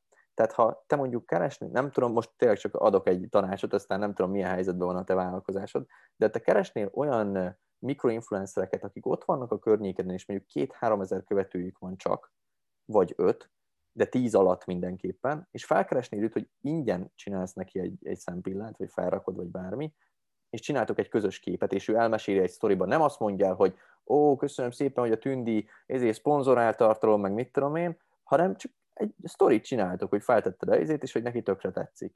És ennyi, csak úgymond elülteted az ő követőinek a fejébe, hogy te amúgy létezel, és te amúgy jól csinálod a dolgodat. Igen, ez egy... Röviden ennyi csak. Ez egy, ez egy mostani trend.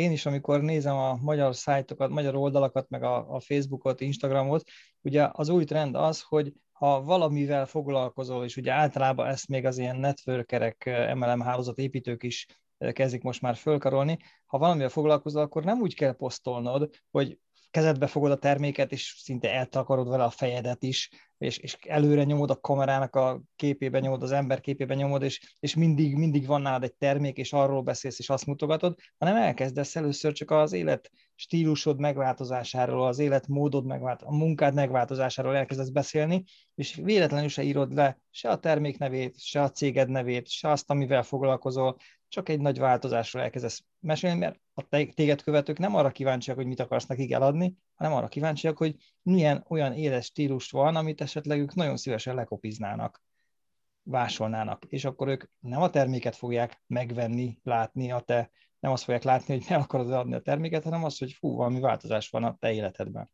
Sokkal nagyon egyetértek ezzel először is. Másik meg, ami még szerintem nagyon elterjed, vagy kezd elterjedni manapság, ez a úgymond termék megjelenítés csak. Tehát, hogy fizetek egy youtubernek, hogy mondjuk a Szent Királyi víz ott legyen az asztalon, miközben veszi fel a videóját. De nem mondja el, hogy ez a Szent Királyi víz az szponzorált tartalom, vagy ilyenek, csak ott van. És csak rögzül az emberek fejében, hogy ez a youtuber azt a vizet issza. Szia Levente, majd megkérjük a pénzt ezzel utólag. Igen, igen. Igen. Happy Water-t iszunk Malajziában. Na ennyi. Egyébként ez olyan, mint a tévében is, vagy hát, hogyha nézel egy filmet, abban is elrejtenek néha ilyen reklámokat, hogy tudom én, iszza a Coca-Colát, meg, vagy elmegy egy ilyen Coca-Colás automata mellett, és ott van a nagy beszélgetés, de ott van mögöttem virít, hogy Coca-Cola, és akkor nem vágod le, hogy ja, hogy hát igen, ez ilyen kis bújtatott szponzor reklám, meg mit tudom. Vannak ilyenek, igen. De, de egyébként...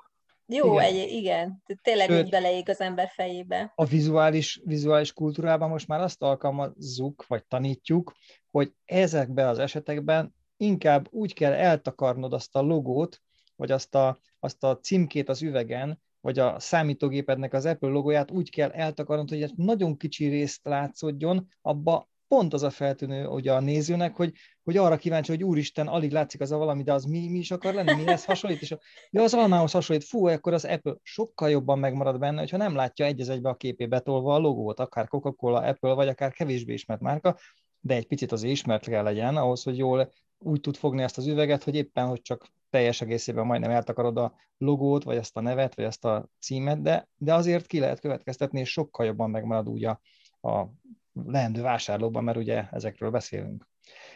Kristóf, haladjunk tovább. Volt-e valami olyan a vállalkozásodban, ami, amire úgy utólag azt mondod, hogy na, attól majdnem megbukott, vagy az, azt, hogyha nem következetesen nem megyek mellett, akkor lehet, hogy már nincs is vállalkozásom, vagy milyen olyan nagy nehézség volt, ami, ami így utólag is visszagondolva tényleg nagy nehézség volt, és a, a bukta szélére is sodorhatta volna a vállalkozásotokat? Kettőt mondanék most. Kettő is volt. Hát pszichológia, az, tudom, igen. Az egyik, az, amit már mondtam az elején az adásnak, hogy nagyon gyorsan növekedtünk, és háromról nyolc főre, nagyon, tehát egy hónap alatt ugrott fel a csapat az, az nagyon megterhelő volt, és hogyha azt nem tudtam volna jól kezelni, vagy hát nem tudom, hogy jól kezeltem, de feltételezem, akkor, akkor szerintem az megbukott volna ott. Ez egyik. A másik pedig az is, vagy hozzátartozik még, hogy jó embereket vettem fel magam mellé egy csapatba, tehát hogy sose azt néztem, hogy kinek milyen szakmai tudása van, hanem hogy kinek milyen gondolkodásmódja, meg mennyire elhivatott, mert a szakmai tudást bárki meg tudja szerezni, csak egy kis affinitás kell hozzá és akkor, tehát ez még az elsőhöz tartozott. A másik meg az volt, hogy az eleinte az üzleti modellünk úgymond az volt, hogy, hogy nem volt semmi, hanem csak csináltunk videós kurzusokat, és akkor azokat adtuk el ilyen launchokban. És akkor tényleg úgy volt, hogy három havonta mondjuk ilyen nagy bevétel volt, utána meg semmi három hónapig szó szerint.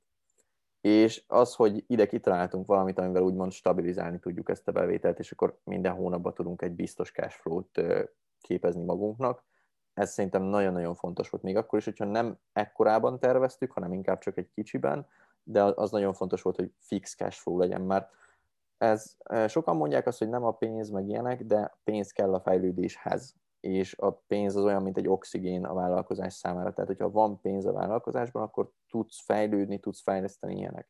Viszont a másik, hogy sokan sajnos leragadnak ott abban, hogy a pénz motivál meg ilyenek. Ez, ez fasság. Egy ideig motivál a pénz amúgy, mert engem is az elején a pénz motivált, hogy fú, ennyi pénzt fog keresni. De aztán az ember azért fejlődik, úgymond evolválódik egy kicsit, és most már nem annyira motivál engem a pénz. Persze örülök, hogy keresek valamit, de nem az motivál. Sokkal jobban motivál, amikor mondjuk rám ír valaki, hogy köszi Kristóf, hogy megváltoztatta az életem, vagy valami. Na ez motivál, de az nem, hogy most bejön százezer, vagy kétszázer, vagy egy millió. Mire priorizálod azt az pénzt, ami bejön? Mire költöd? Mi az, ami, ami első körben mondjuk fókuszban van? Körülbelül a 80%-át visszaforgatom a vállalkozásba, tehát hogy én nagyon ilyen low-key élek, hogy angolul fogalmazok, mert tényleg, tehát hogy szó szerint a nyoméknál lakom ugye itthon még kb. egy hónapban összesen költök ilyen 120 ezer forintot kajával együtt, meg nagyon keveset utazok direkt, mert ugye nagyon sok pénzt vagy visszaforgatok a vállalkozásba, vagy a befektetéseimbe. És, és persze mire azért... a vállalkozáson belül mire? Fokusz. Tehát, hogy mire megy be a pénz? Vállalkozás, főleg vállalkozás fejlesztésre. Tehát, hogy most például van a könyvklub, majd erről legfeljebb beszélek később, ez az, ami ugye a fix cash flow-t hozza. És abban megy vissza nagyon sok, hogy ezt fejlesztjük, például ehhez most készül egy applikáció, ami már kész van, csak ugye még teszteljük, meg ilyenek, de az is ugye egy nagyobb összeg volt, hogy egy applikációt lefejleszten az ember. Akkor ebbe, akkor a marketingbe forgatom bele, van egy könyv, ami, ami nagyon-nagyon kedves az én számomra, ez a késeltetett jutalom, vagy más néven pillecukor teszt. Ezt mindenkinek ajánlom. Aki vállalkozó, annak ezt szerintem kötelezővé kéne tenni. Arról szól az egész, ez egy pszichológiai tanulmány volt szintén, hogy ezt azt hiszem óvodásokkal játszották el Amerikába. És az volt a lényege, hogy az volt nem tudom én tíz óvodás kb. egy szobába, és bejött az óvónő, és letett egy, egy, egy tál pillacukrot. És azt mondta, hogy gyerekek, ne egyetek belőle, én kimegyek, és ha visszajövök, akkor kétszer ennyit fogtok kapni.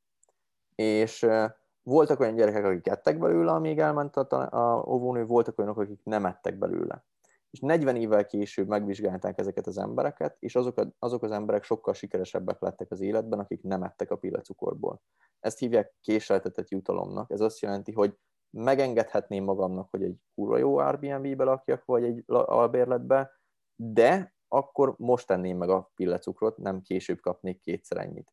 Vagy most nem költözök el, hanem úgymond lenyelem ezt, és itt vagyok anyukáméknál, amikor közben szeretem őket nagyon, és később mondjuk egy óriási házba fogok elköltözni, mert nem ettem meg ezt a pillacukrot. Sokan ezt mondják, hogy mondok egy példát akkor. Az, ha én most elköltöznék egy albérletbe, mondjuk egy korrekt albérlet, nem egy nagyon jó albérletbe, egy korrektba, lenne mondjuk havi 100 forint. Az egy, az egy évben 1 millió 200 forint, ami annyira nem tűnik soknak. De én ebből az 1 millió 200 ezerből mondjuk elindítottam a könyvklubot, ami több mint 10 milliót termelt. És ez már sok.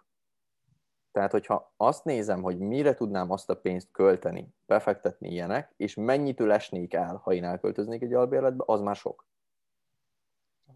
Így van, így van. Vannak-e nálatok, vagy a, vannak-e a ti vállalkozásotokhoz kötött együttműködő partnerek, akár marketingesek, akár viszonteladók, akikkel akciókat csináltok? Van-e valami affiliate partnerség valakivel? Hát ezek általában össze-vissza szoktak lenni, tehát hogy vannak ugye kialakult kapcsolataink, akikkel néha szoktunk ilyen affiliate dolgokat csinálni, de most például van, volt egy nagyon régi ismerős, amikor nagyon jó voltam, ő régen, régen coach volt, de inkább mentornak mondanám, mert ő, ő tényleg értett ahhoz, amit csinált. És ő az egyik barátjával indított egy ilyen marketinges agency és most velük dolgozok együtt olyan szempontból, hogy ők segítenek be az online marketinges marketingjébe.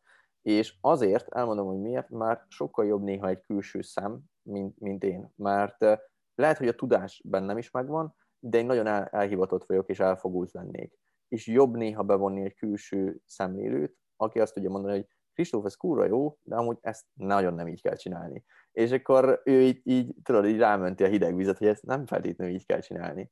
És velük, velük most dolgozok együtt másfél hónapja, és imádom őket teljesen. Óriási tudásuk van szerintem, és nagyon-nagyon szeretek velük együtt dolgozni. Meg ugye főleg alvállalkozókkal szoktam dolgozni, tehát hogy felvenni a csapatba nem szeretek embereket, mert ez már egy olyan csapat alakult ki, aki már hát egy baráti társaság. Minden hónapban megyünk el együtt hétvégékre, megyünk együtt nyaralni, tehát hogy ez szó szerint egy baráti társaság, már ilyen kis családként alakult ki az egész. És nem jó ide úgymond beimplementálni embereket, mert szerintem a céges, vagy céges kultúra, ha ezt így lehet mondani, elrontaná. Aha. Mi a tapasztalatod arról, hogy mennyire nyitottak a magyar marketing szakmába, akár marketingesek, akár társult vállalkozások, mennyire nyitottak az együttműködésre? Mármint marketingesek alatt azokat érted, akik marketing kivitelezők, vagy olyanokat értesz, mint mondjuk mi? Abszolút, teljesen mindegy. Olyan marketing szakmát képviselő emberek, akiknek szintén van egy kapcsolati körük, egy kapcsolati hálójuk, esetleg nagyobb címlistájuk, vagy nagyobb követőtáboruk, és azt mondják, vagy azt mondjátok ti, hogy adjátok össze a két címlistát, követőtábort, az, ami a ti vállalkozásotoknak van, ami annak a másik online, offline marketinges, bárki, tanító, gurunak, bárkinek, és a két követőtáborral, címlistával ugye egy kétszeres nagy erővel tudtok akár egy akciót is megcsinálni. Próbálkoztatok ilyeneket becserkészni? Persze, és őszinte ezek, hogy nagyon emberfüggő, de inkább arra, mondjuk, arra mondanám, hogy nem. Mert a magyarok mindig azt keresik, hogy én hogyan tudom átbaszni a másikat, mindig ezt nézik, és nem ilyen win-win szituációkat keresnek. Viszont vannak, vannak kivételek, például az egyik kivétel a pozitív taxis, őt nagyon-nagyon-nagyon imádom Zsoltot.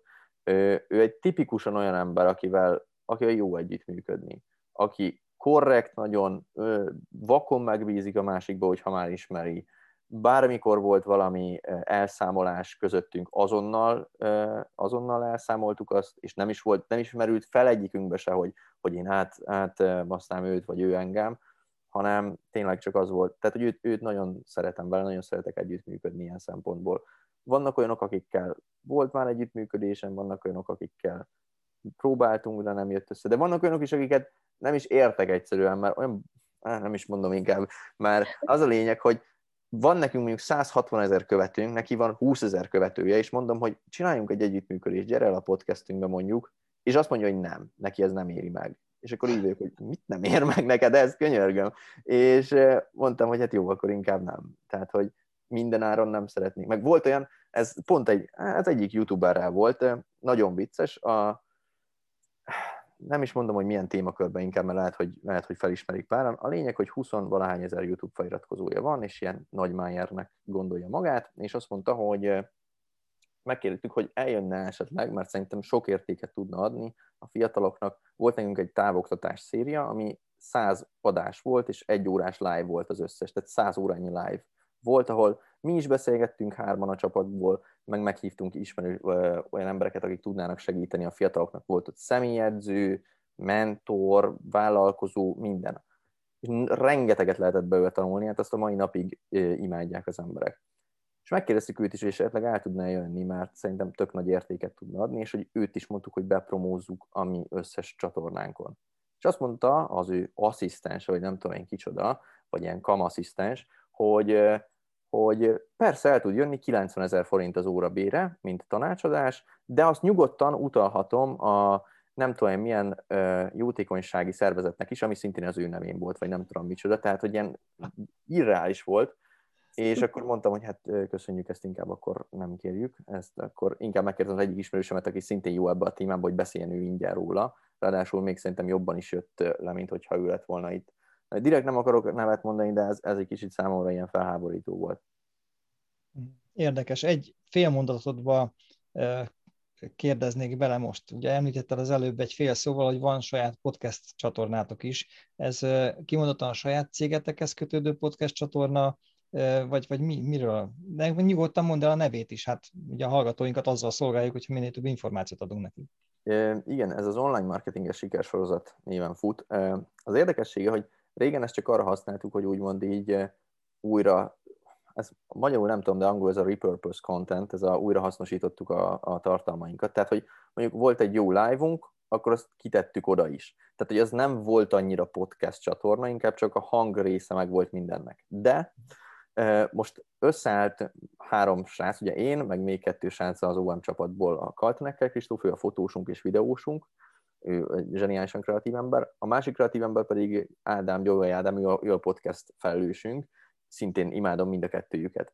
És hárman összeálltunk, csak egy próba kedvéért, hogy nézzük meg, hogy mit tud akkor ez a podcast, és azóta olyan szinten ugrott a minősége a podcastnek, most azt hiszem a 12. vagy 13. rész volt kint, kb. így hetente szokott egy rész kimenni, hogy, hogy azóta élvezett számomra podcasteket készíteni.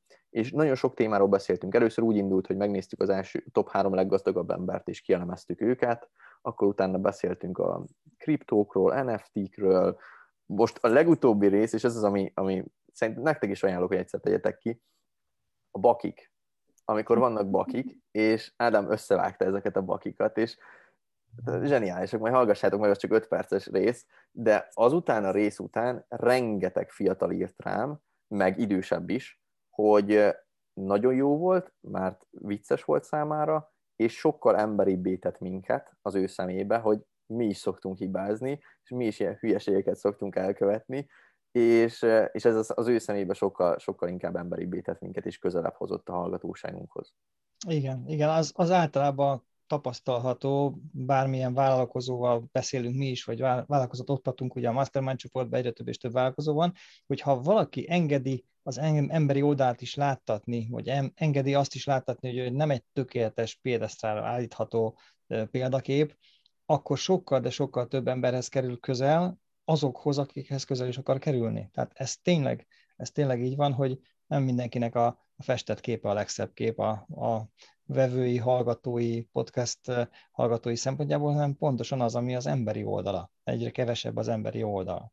Ja. Még a témákra rákérdeznék, hogy most nagyon sokat beszélnek arról, hogy mi az, amiről ír, mi az, amiről blogolj, mi az, amiről posztolj, többi, hogy ti keresőszavakat használtok, analizáltok, vagy csak úgy olvastok, és látjátok, hogy ez most erről emberek beszélnek, vagy megkérdezitek a hallgatókat, vagy az embereket, hogy mi érdekelni őket?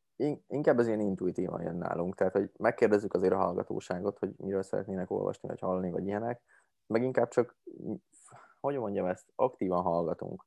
Tehát, hogy 80 ember ír naponta, és az egy hónapban, hú, 2400 ember, hogyha most jól számoltam fejbe, 2400 emberből azért már egy elég nagy trendet lehet levonni, hogy mi az, ami kell a fiataloknak. És, és ezeket szoktuk igazából. Tehát, hogy én soha nem voltam ilyen trend meglovagló, hogy hú, most nagyon futnak a kriptók, és azért kezdek bele a kriptóról posztolni, meg nagyon nagy a forex, és akkor most ezért forexezni kezdünk. Nem, én az, ami, ami számomra így, így jól esik, és így elmondom, és, és tetszik a fiataloknak. Tehát, hogy előbb-utóbb nálunk is úgy van, mint mindenkinél, hogy bekövetnek, kikövetnek, stb. ilyenek mindig vannak. Tehát, hogy az online marketinges oldalt kemény napi 30 ember követi ki, de 70 vagy 80 követi be. mondjuk, vagy most csak mondtam egy példát, lehet, hogy ez kevesebb, mint a két szám, nem tudom, mert nem szoktam annyira ezeket a analitikákat nézni. De ezt nem tudom, tudjátok, ebben biztos, hogy tudjátok, hogy van egy ilyen szabály a marketingben, hogy ha valaki 50-szer látja a te fejedet, akkor legbelül eldönti, hogy szeret téged, vagy nem. És azok, akik kikövetnek, azoknál akkor telt be az 50. Tehát, hogy letelt az 50, és eldöntött, hogy nem szeret engem, és kikövet. És nincs ezzel semmi gond, mert a maradék embernek meg letelt úgymond az 50, és megszeretett engem, vagy legalábbis hallgatja, amiket mi kiteszünk. Úgyhogy igazából, hogy válaszoljak a kérdésre, teljesen intuitívan jön az egész, meg az aktív hallgatás.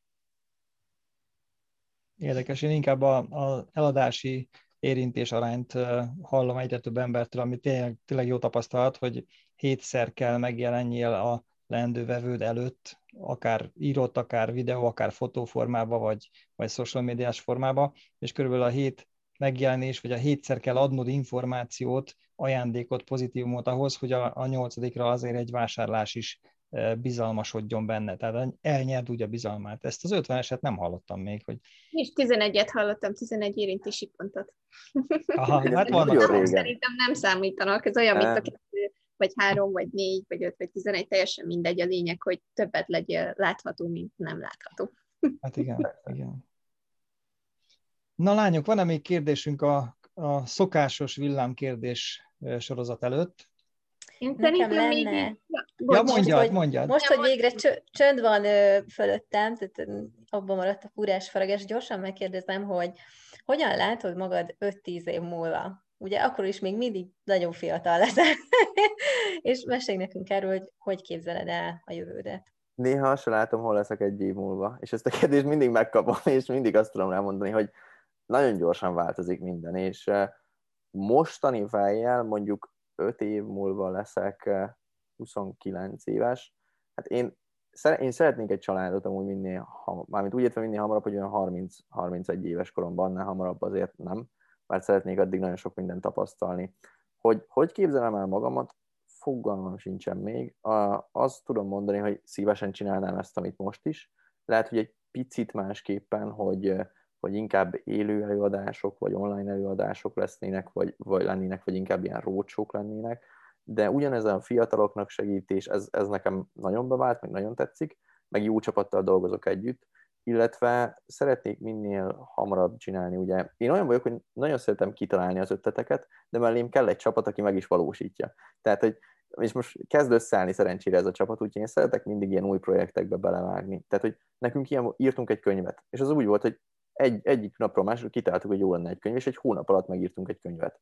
Mert az volt annak az adott hónapnak a projektje számomra. Volt olyan, hogy kidobtunk egy, egy pulcsi márkát. Várja, várja, lehet kapni ezt a könyvet még? Lehet, igen. Most pont, most két hete jött ki, azt hiszem, és már, már több száz példányt eladtunk belőle szerencsére. Főleg De mi a címe? Mi a címe? Az első mentorom a, a címe, ez a címe, és ebben Gabi barátommal írtuk, ő volt az első ember, akivel együtt dolgoztam az online marketinges csapatba, ő nagyon fiatal, ő 17 most, de mhm. olyan tudása van, hogy elképesztő amúgy, tehát, hogy nagyon sok 20 éves lepipálna, és, és beleírtuk ezt. Az a lényeg, hogy egy 17 éves srácon keresztül egy sztorin mutatjuk be azt, hogy mi, tehát mi a sikeres gondolkodás, mi a siker egyáltalán, mert ez nagyon sok fiatal nincs ezzel tisztában, és azt hiszi, hogy attól, hogy valakinek van egy ferrari ő sikeres, nem feltétlenül azt jelenti szerintem a siker, nagyon sok mindent elbeszélünk benne. És az a durva, hogy olyan vélemények jöttek már most a könyvről, hogy, hogy így azt mondtam, hogy azt. Volt több olyan srác volt, aki azt mondta, hogy Kristóf, figyelj, még elég előjárunk az évbe, de kimerem jelenteni, hogy ez volt az eddigi évnek a legjobb befektetése. Meg voltak olyanok, akik ilyen hosszú szöveget írtak, hogy megváltoztatta az életemet. Főleg arra megy ugye, hogy a gondolkodásmódját megváltoztassa, és hogy ezeket a ökölszabályokat meg, megkérdő, megkérdőjelezze az emberekbe, hogy biztos csak úgy lehetek sikeres, hogy kiárom az egyetemet mondjuk, vagy attól én már sikeresnek számítok, hogy vállalkozó vagyok, vagy, vagy ilyenek. Az egész úgy megy végig, hogy egy fiatal srác indul el, és most nem akarom a sztorit lelőni, de találkozik egy vállalkozóval, és a vállalkozó segít neki, és ő tanítgatja bizonyos helyszíneken ezt a fiatalt, és amiben más, mint a többi könyv, az az, hogy vannak benne feladatok is. Tehát, hogy mindegyik fejezet végén vannak feladatok, amiket, hogyha megcsinálod, akkor közelebb kerülsz ehhez a gondolkodásmódhoz. Most mondok például egy feladatot. Azt hiszem az első, az első fejezetnek a végén olyan feladat van, hogy írd le három dolgot, amit szeretnél csinálni, vagy amit szeretsz csinálni, három dolgot, amiben jó vagy, és három dolgot, amiből szerinted lehet pénzt keresni. És próbáld meg keresni olyat, ami mind a háromra igaz. Hogy szereted csinálni, jó vagy benne, és lehet belőle pénzt keresni. És most ez egy ilyen nagyon egyszerű, banális feladat teljesen, de hogyha egy fiatal megcsinálja, akkor mégis egy picivel közelebb jut ahhoz, hogy lehet, hogy ő mit szeretne csinálni. Úgyhogy ez, a, ez van most. Lehet a Libriben is kapni, a Lírában is lehet kapni szerintem, úgyhogy most ez, a, ez volt a nagy projektünk. Tehát a könyv címe az első mentorom, és kik a szerzői? Szabó Kristóf és Girán Gábor. És nem beszéltél a könyvklubról, mi elmentünk itt, emlékeztettek a könyvklubot annyiszor, hogy ezt mi muszáj elmondanod a mai adásban. Jó, a, a könyvklub igazából az eh, régebben indult, az májú, múlt év májusában indult el, tehát most pont, szerintem pont egy éve, vagy lehet, hogy egy év, egy napja, mert valahol itt indult el. És a könyvklubnak az volt a lényege, hogy mindenképpen fel akartam gyorsítani a tudást magamnak is, mert én utáltam olvasni. Szó szerint gyűlöltem olvasni, mert az utolsó szép irodalmi könyv, amit elolvastam, az második osztályban volt a Kis Herceg, az volt ilyen kötelező olvasmány. Számomra az olyan szomorú, száraz és unalmas volt akkori fejemmel, tehát egy másodikos fejével, hogy én általánosítottam az összes könyvről, hogy mind ugyanilyen. És az a durva, hogy egészen 11. osztályig nem olvastam el egy könyvet se. És nem értettem azt, hogy nem tudtam felfogni, hogy hogy lehet az, hogy valaki hazamegy a suliból és könyvet olvas. És nem számítógépezik, vagy focizik, vagy a haverjéval van. Nem tudtam felfogni. És nagypapám, meg Warren Buffett kellett ahhoz, hogy ezt így felfedezzem. A Gicsben engem azt tudja, hogy, hogy a nagypapám nekem a, a példaképem. Sajnos ő már nincs közöttünk, de nagyon-nagyon sok mindent tanultam tőle. És ő nagyon szeretett olvasni. A kedvenc témája a második világháború volt és minden karácsonyra vettem neki egy könyvet, ami a második világháborúról szólt, valamilyen szemszögből mutatta be. 300 oldalas könyvek, másnap reggel elolvast az egészet. És így nem értettem, hogy hogy lehet az, hogy valaki nem, tehát nem teszi le a könyvet, hanem hogy végigolvas. És egyszer emlékszem, hogy ültünk kint a konyhában, és ott mondta nekem, hogy Krisi, nem az a baj, hogy te nem szeretsz olvasni, az a baj, hogy még nem találtál egy olyan könyvet, ami igazán érdekelne téged. Hogyha találnál egyet, akkor hidd el, hogy el tudnád olvasni és utána találtam nagyon sokat, és elolvastam őket, és tényleg így volt, tehát igaza volt ott is az öregnek. A másik pedig, hogy Warren Buffett ugye, aki nem ismeri a világ legnagyobb befektetője, megkérdezték egy interjún tőle, hogy mi a titka, és azt mondta azt, hogy 500 oldalt olvas el egy nap. És azt mondta, hogy így tud a tudás egymásra épülni. Most evidens, hogy neked nem kell 500 oldalt elolvasni, hogy sikeres legyél, csak azt szemléltetni akartam, hogy ilyen nagy magaslatokban is ugye ez van. Meg hát Így... vannak hangos könyvek is most már, amit bárhova mész közben hallgathatod, igen. És pont ez az, hogy utána én elkezdtem kutakodni, tehát hogy szerettem olvasni, de mégse szerettem ugye annyira olvasni. Viszont lá- megláttam, hogy mekkora tudás van a könyvekben. És először magamnak akartam ezt elindítani, hogy kerestem egy-két embert, akiben megbízok, ugye, akik elolvassák a könyveket, és lerövidítik nekem, hogy én meg tudj, hogy el tudjam olvasni. És aztán kitettünk egy Insta és 340-en szavaztak rá akkor, még ez nagyon régen volt, ugye egy éve, hogy őket érdekelni. És akkor kitaláltam, hogy akkor miért ne csinálhatnánk ebből úgymond egy ilyen klubot, tehát egy könyvklub. És az volt a, régen a lényege, régen úgy indult, hogy minden hónapban megkaptak 10 önfejlesztő könyvet lerövidítve, plusz hangos könyvként, plusz feladatok minden könyv végén, és ezt kapták meg havi 3000 forintért, tehát hogy egy könyvnek az áráért kapták meg. És nagyon jól mentem úgy, tehát most, most már 120 könyv van benne, több mint 120, mindegyik, minden könyv le van rövidítve 5-10 oldalba kb, és van ugye fel is van olvasva, tehát hogy hangos könyvként is megvan, aki nem szeretne ezzel bajlódni és akkor rövidre zárom tényleg az egészet, annyi csak a lényege, hogy fel tudja gyorsítani a fiataloknak ezt, a, ezt az egész tanulást, meg fejlődést. És tudom, hogy jól működik, mert rengeteg fiatal azóta már nagyon-nagyon sok könyvet elolvastak, és nagyon sok embertől kaptam meg azt, hogy köszönöm Kristóf, hogy megszerettetted velem az olvasást. És ez volt az, ami, amiért azt mondtam, hogy na jó, ez tényleg nagyon jó. És most jön az applikáció hozzá. Az igen. Az szép.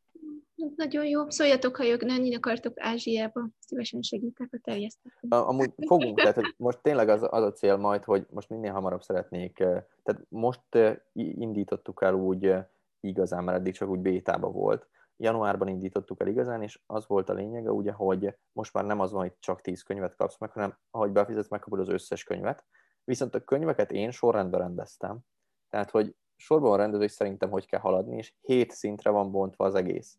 És az első szint az csak olyan, hogy mit mi az önfejlesztés, önbizalom, stb. A hetedik szint meg már ez a spiritualitás, meg ilyenek. És minden szintnek a végén van egy szintfelmérő, amit kitölthetsz, és tudod úgymond tesztelni a tudásod, hogy, hogy megtanultad-e azt, amit szerintem meg kell tanulni ezekből a könyvekből. És sosem mondtuk azt, tehát, hogy mi sose azt mondjuk, hogy ne olvas könyveket, ez szimplán csak arra jó, hogy felgyorsítsd a tanulást, és hogyha érdekel az az 5-10 oldal után is, akkor vedd meg az egész könyvet, és olvasd el, mert ugye sok sztori meg történet kimarad a könyvből. Ez lehet, hogy a világ első interaktív könyvklubja, ahogy itt most elmondod. Igen, reméljük, hogy ez így lesz akkor. Az igen, gratulálunk ehhez. Hogy hatásokat keresel, szívesen betársulok. Jó, mondom, lehet, hogy majd fogunk szerintem jövő évben jutunk el arra a szintre, hogy, hogy külföldre menjünk vele, de nagyon szívesen.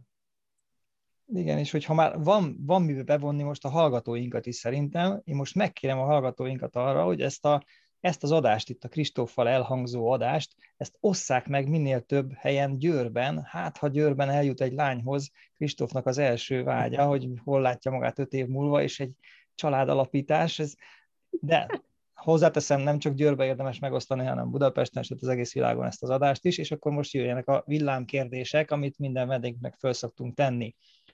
Szerinted, Kristóf, merre tart a világ? Ú, ezek ilyen nagyon mély kérdések lesznek, látom.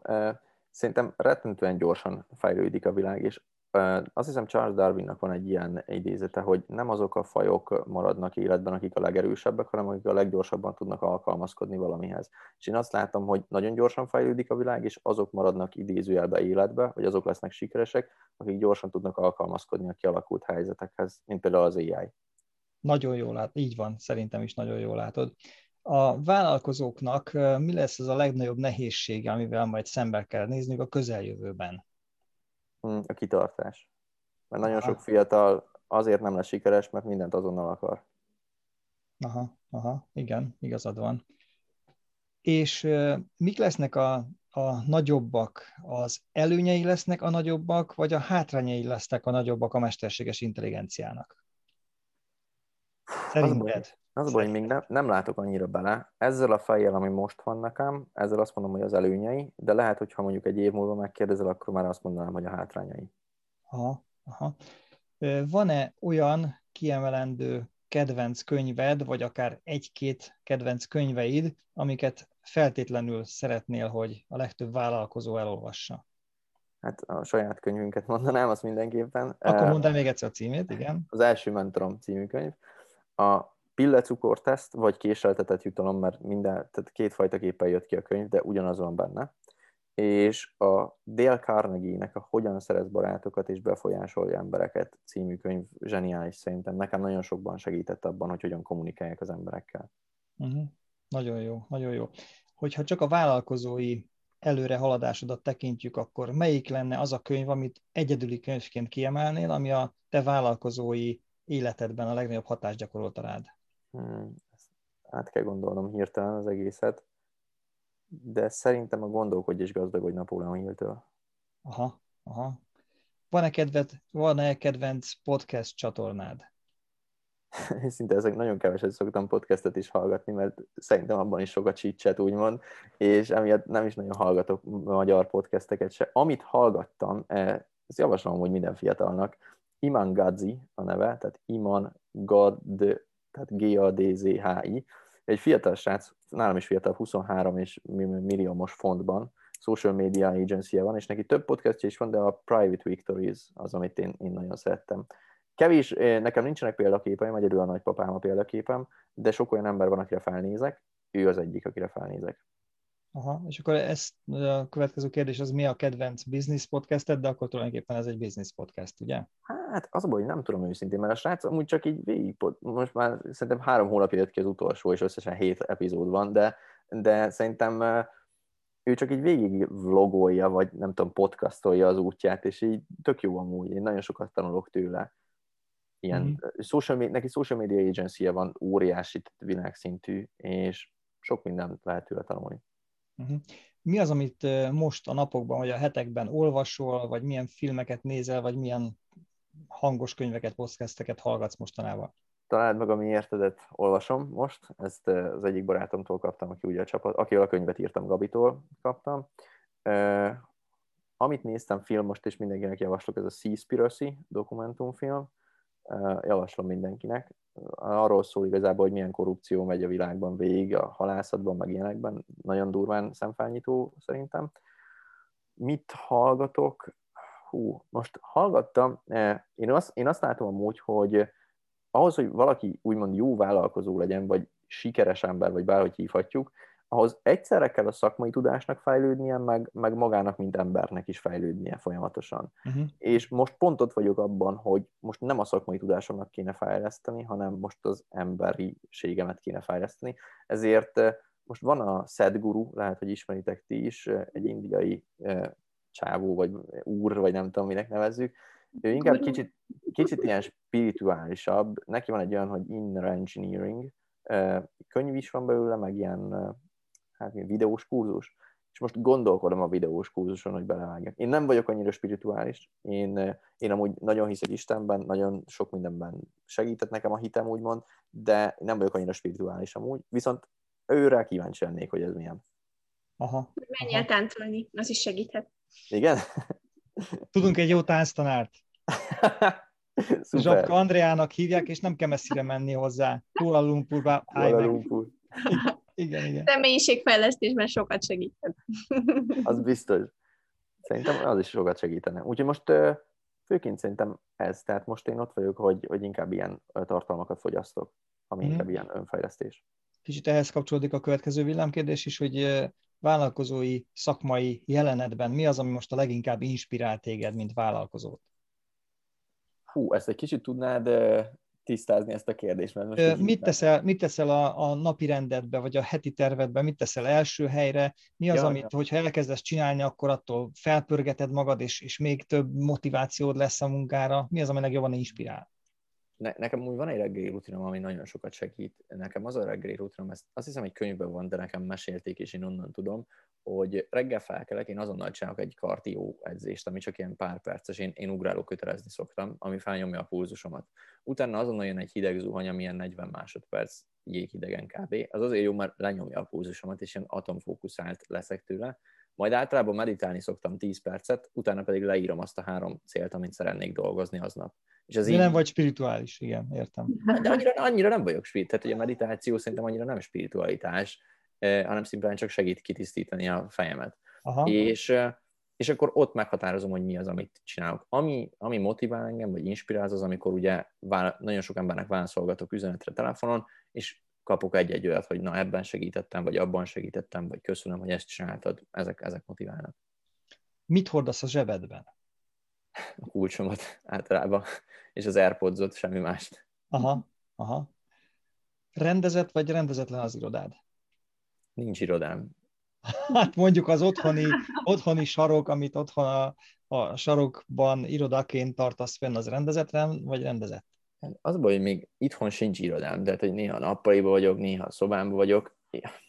Azt mondanám inkább, hogy rendezetlen akkor, mert eh, én néha, néha rendszeretű vagyok, néha meg nem. Tehát, hogy eh, Inkább rendetlenség van a szobámba, de olyan rendezett rendetlenség, tehát hogy minden egy helyre van dobva oda, de rendetlenség van. Zseni átlátja a káoszt. Igen, igen, igen, átlátom mindig, hogy mi az, ami kell nekem, e, úgyhogy inkább rendezetlenség, hogyha ezt kéne mondani. Jó, jó, hát köszönjük szépen. Lányok, milyen kérdés ragadt még, vagy milyen kérdés jutott még eszetekbe útközben? Én szerintem még egy összefoglalóként így um, három tippet megoszthatnál lezárásként a vállalkozókkal online marketinggel kapcsolatban, ami, ami mondjuk már holnaptól bevezetve segítene nekik. Jó, és akkor most megpróbálják ne ilyen bullshiteket mondani, hanem... Nem, hogy... nagyon hasznos tanácsokat. Késő, korán feküdünk, Jó, hát eh, csak az online marketing, tehát aki olyasmivel foglalkozik, mint én, vagy social media, vagy ilyenekre gondoltak? Nem, általános vállalkozóknak, akik nem tudnak annyit róla, mint te. Hú, az hogy nagyon nehéz általánosan fogalmazni, de megpróbálom, tehát, hogy van a, most van ez a kitartás, meg ilyenek, de hogy ne bullshiteljek teljesen. Tényleg az előre bele kell kalibrálni a fejedbe, hogy nagyon sokszor el fogsz bukni valószínűleg. Tehát, hogy sokszor lukra fogsz futni. És én azt mondom, hogy én, én szeretek elbukni, mert hogyha valamiben elbukok, az azt jelenti, hogy túl gyorsan fejlődök. Mert hogyha valaki nem fejlődik túl gyorsan, akkor nem bukik el általában. És ez, én úgy, úgy veszem az elbukást, hogy mintha sprintelnék ezerrel, és összeakadna a lábam, és pofára esnék. És ez nem baj, csak fel kell állni, és meg kell nézni, hogy miben estem el, és utána tudok még gyorsabban menni. Tehát, hogy nekem van egy ilyen mindsetem, hogy ez a semmi nem tart örökké. És ezt szoktam mondani akkor is, amikor nagyon mély ponton vagyok, meg akkor is, amikor nagy magaslatban vagyok. És emiatt kiküszöblem azt, hogy ilyen óriási gödrökbe menjen az életem, hanem kb. ilyenekbe megy az én életem. És szerintem ez a mindset nagyon sokat segít a fiataloknak, hogy ezt így elsajátítsák. Ez az első. A második, hogy sokkal, de sokkal többet kell dolgozni azért, hogy elérjed, amit akarsz, mint amennyit gondolsz. Tehát, hogy általában minden ötször annyi erőfeszítésbe és kétszer annyi pénzbe kerül, mint amennyire gondolnál. Ez a második.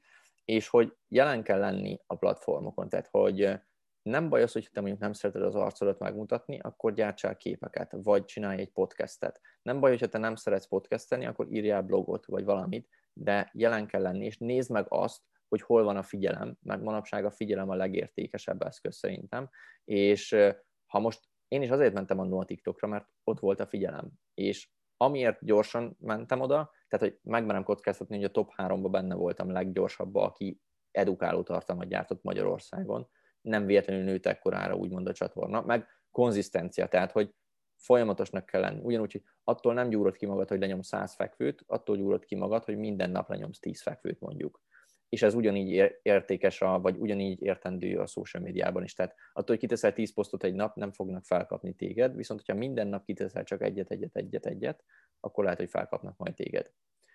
Úgyhogy nem tudom hirtelen, hogy ez hány tipp volt, de ez Nagyon jó tippek voltak szerintem. Hallgassátok vissza, és vezessétek is be a tippeket, ne csak hallgassátok. Jó, megvolt. Megvoltak a tippek, megvolt az egész, egész tréning vagy coaching, amit most tőled kaptunk, Kristóf, és nagyon-nagyon köszönjük, és szerintem nagyon-nagyon sok követőd lesz azután is, hogy meghallgatja a podcastet, vagy akár le is menti, le is tölti magának a podcastet, és többször is visszahallgatja, mert egy-egy olyan elszórt mondatodba, egy részmondatodba is olyan dolgok vannak, amit érdemes utána járni, elolvasni, megnézni, meghallgatni, megbeszélni a vállalkozótársakkal. Köszönjük, hogy a vendégünk voltál, és legközelebb is ugyanilyen nagy szeretettel várunk minden hallgatónkat a következő report sorozatunk következő darabjához is. Kristóf, neked minden jót kívánunk, és további jó fejlesztését a csapatodnak, és további jó együttműködéseket és munkát. Én is nagyon-nagyon szépen köszönöm, tényleg megtisztelő volt, és sokszor szoktak már hívni podcastba, de most megmondom őszintén, hogy most jól is éreztem magamat benne, úgyhogy le a kalappal előttetek. Köszönöm szépen, és további sok sikert kívánok nektek is. Köszönjük szépen! Köszönjük szépen! Búcsúzunk a kedves hallgatóktól is, sziasztok! Sziasztok! Sziasztok!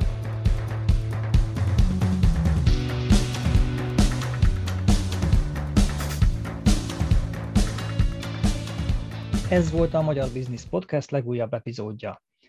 Reméljük neked is tetszett, és ha így van, kérjük látogass el az oldalunkra, és töltsd ki a hallgatói felmérésünket. Várunk vissza téged a következő epizódban is. Addig is jó üzletet, jó üzletépítést és sok sikert kívánunk neked is. Szia!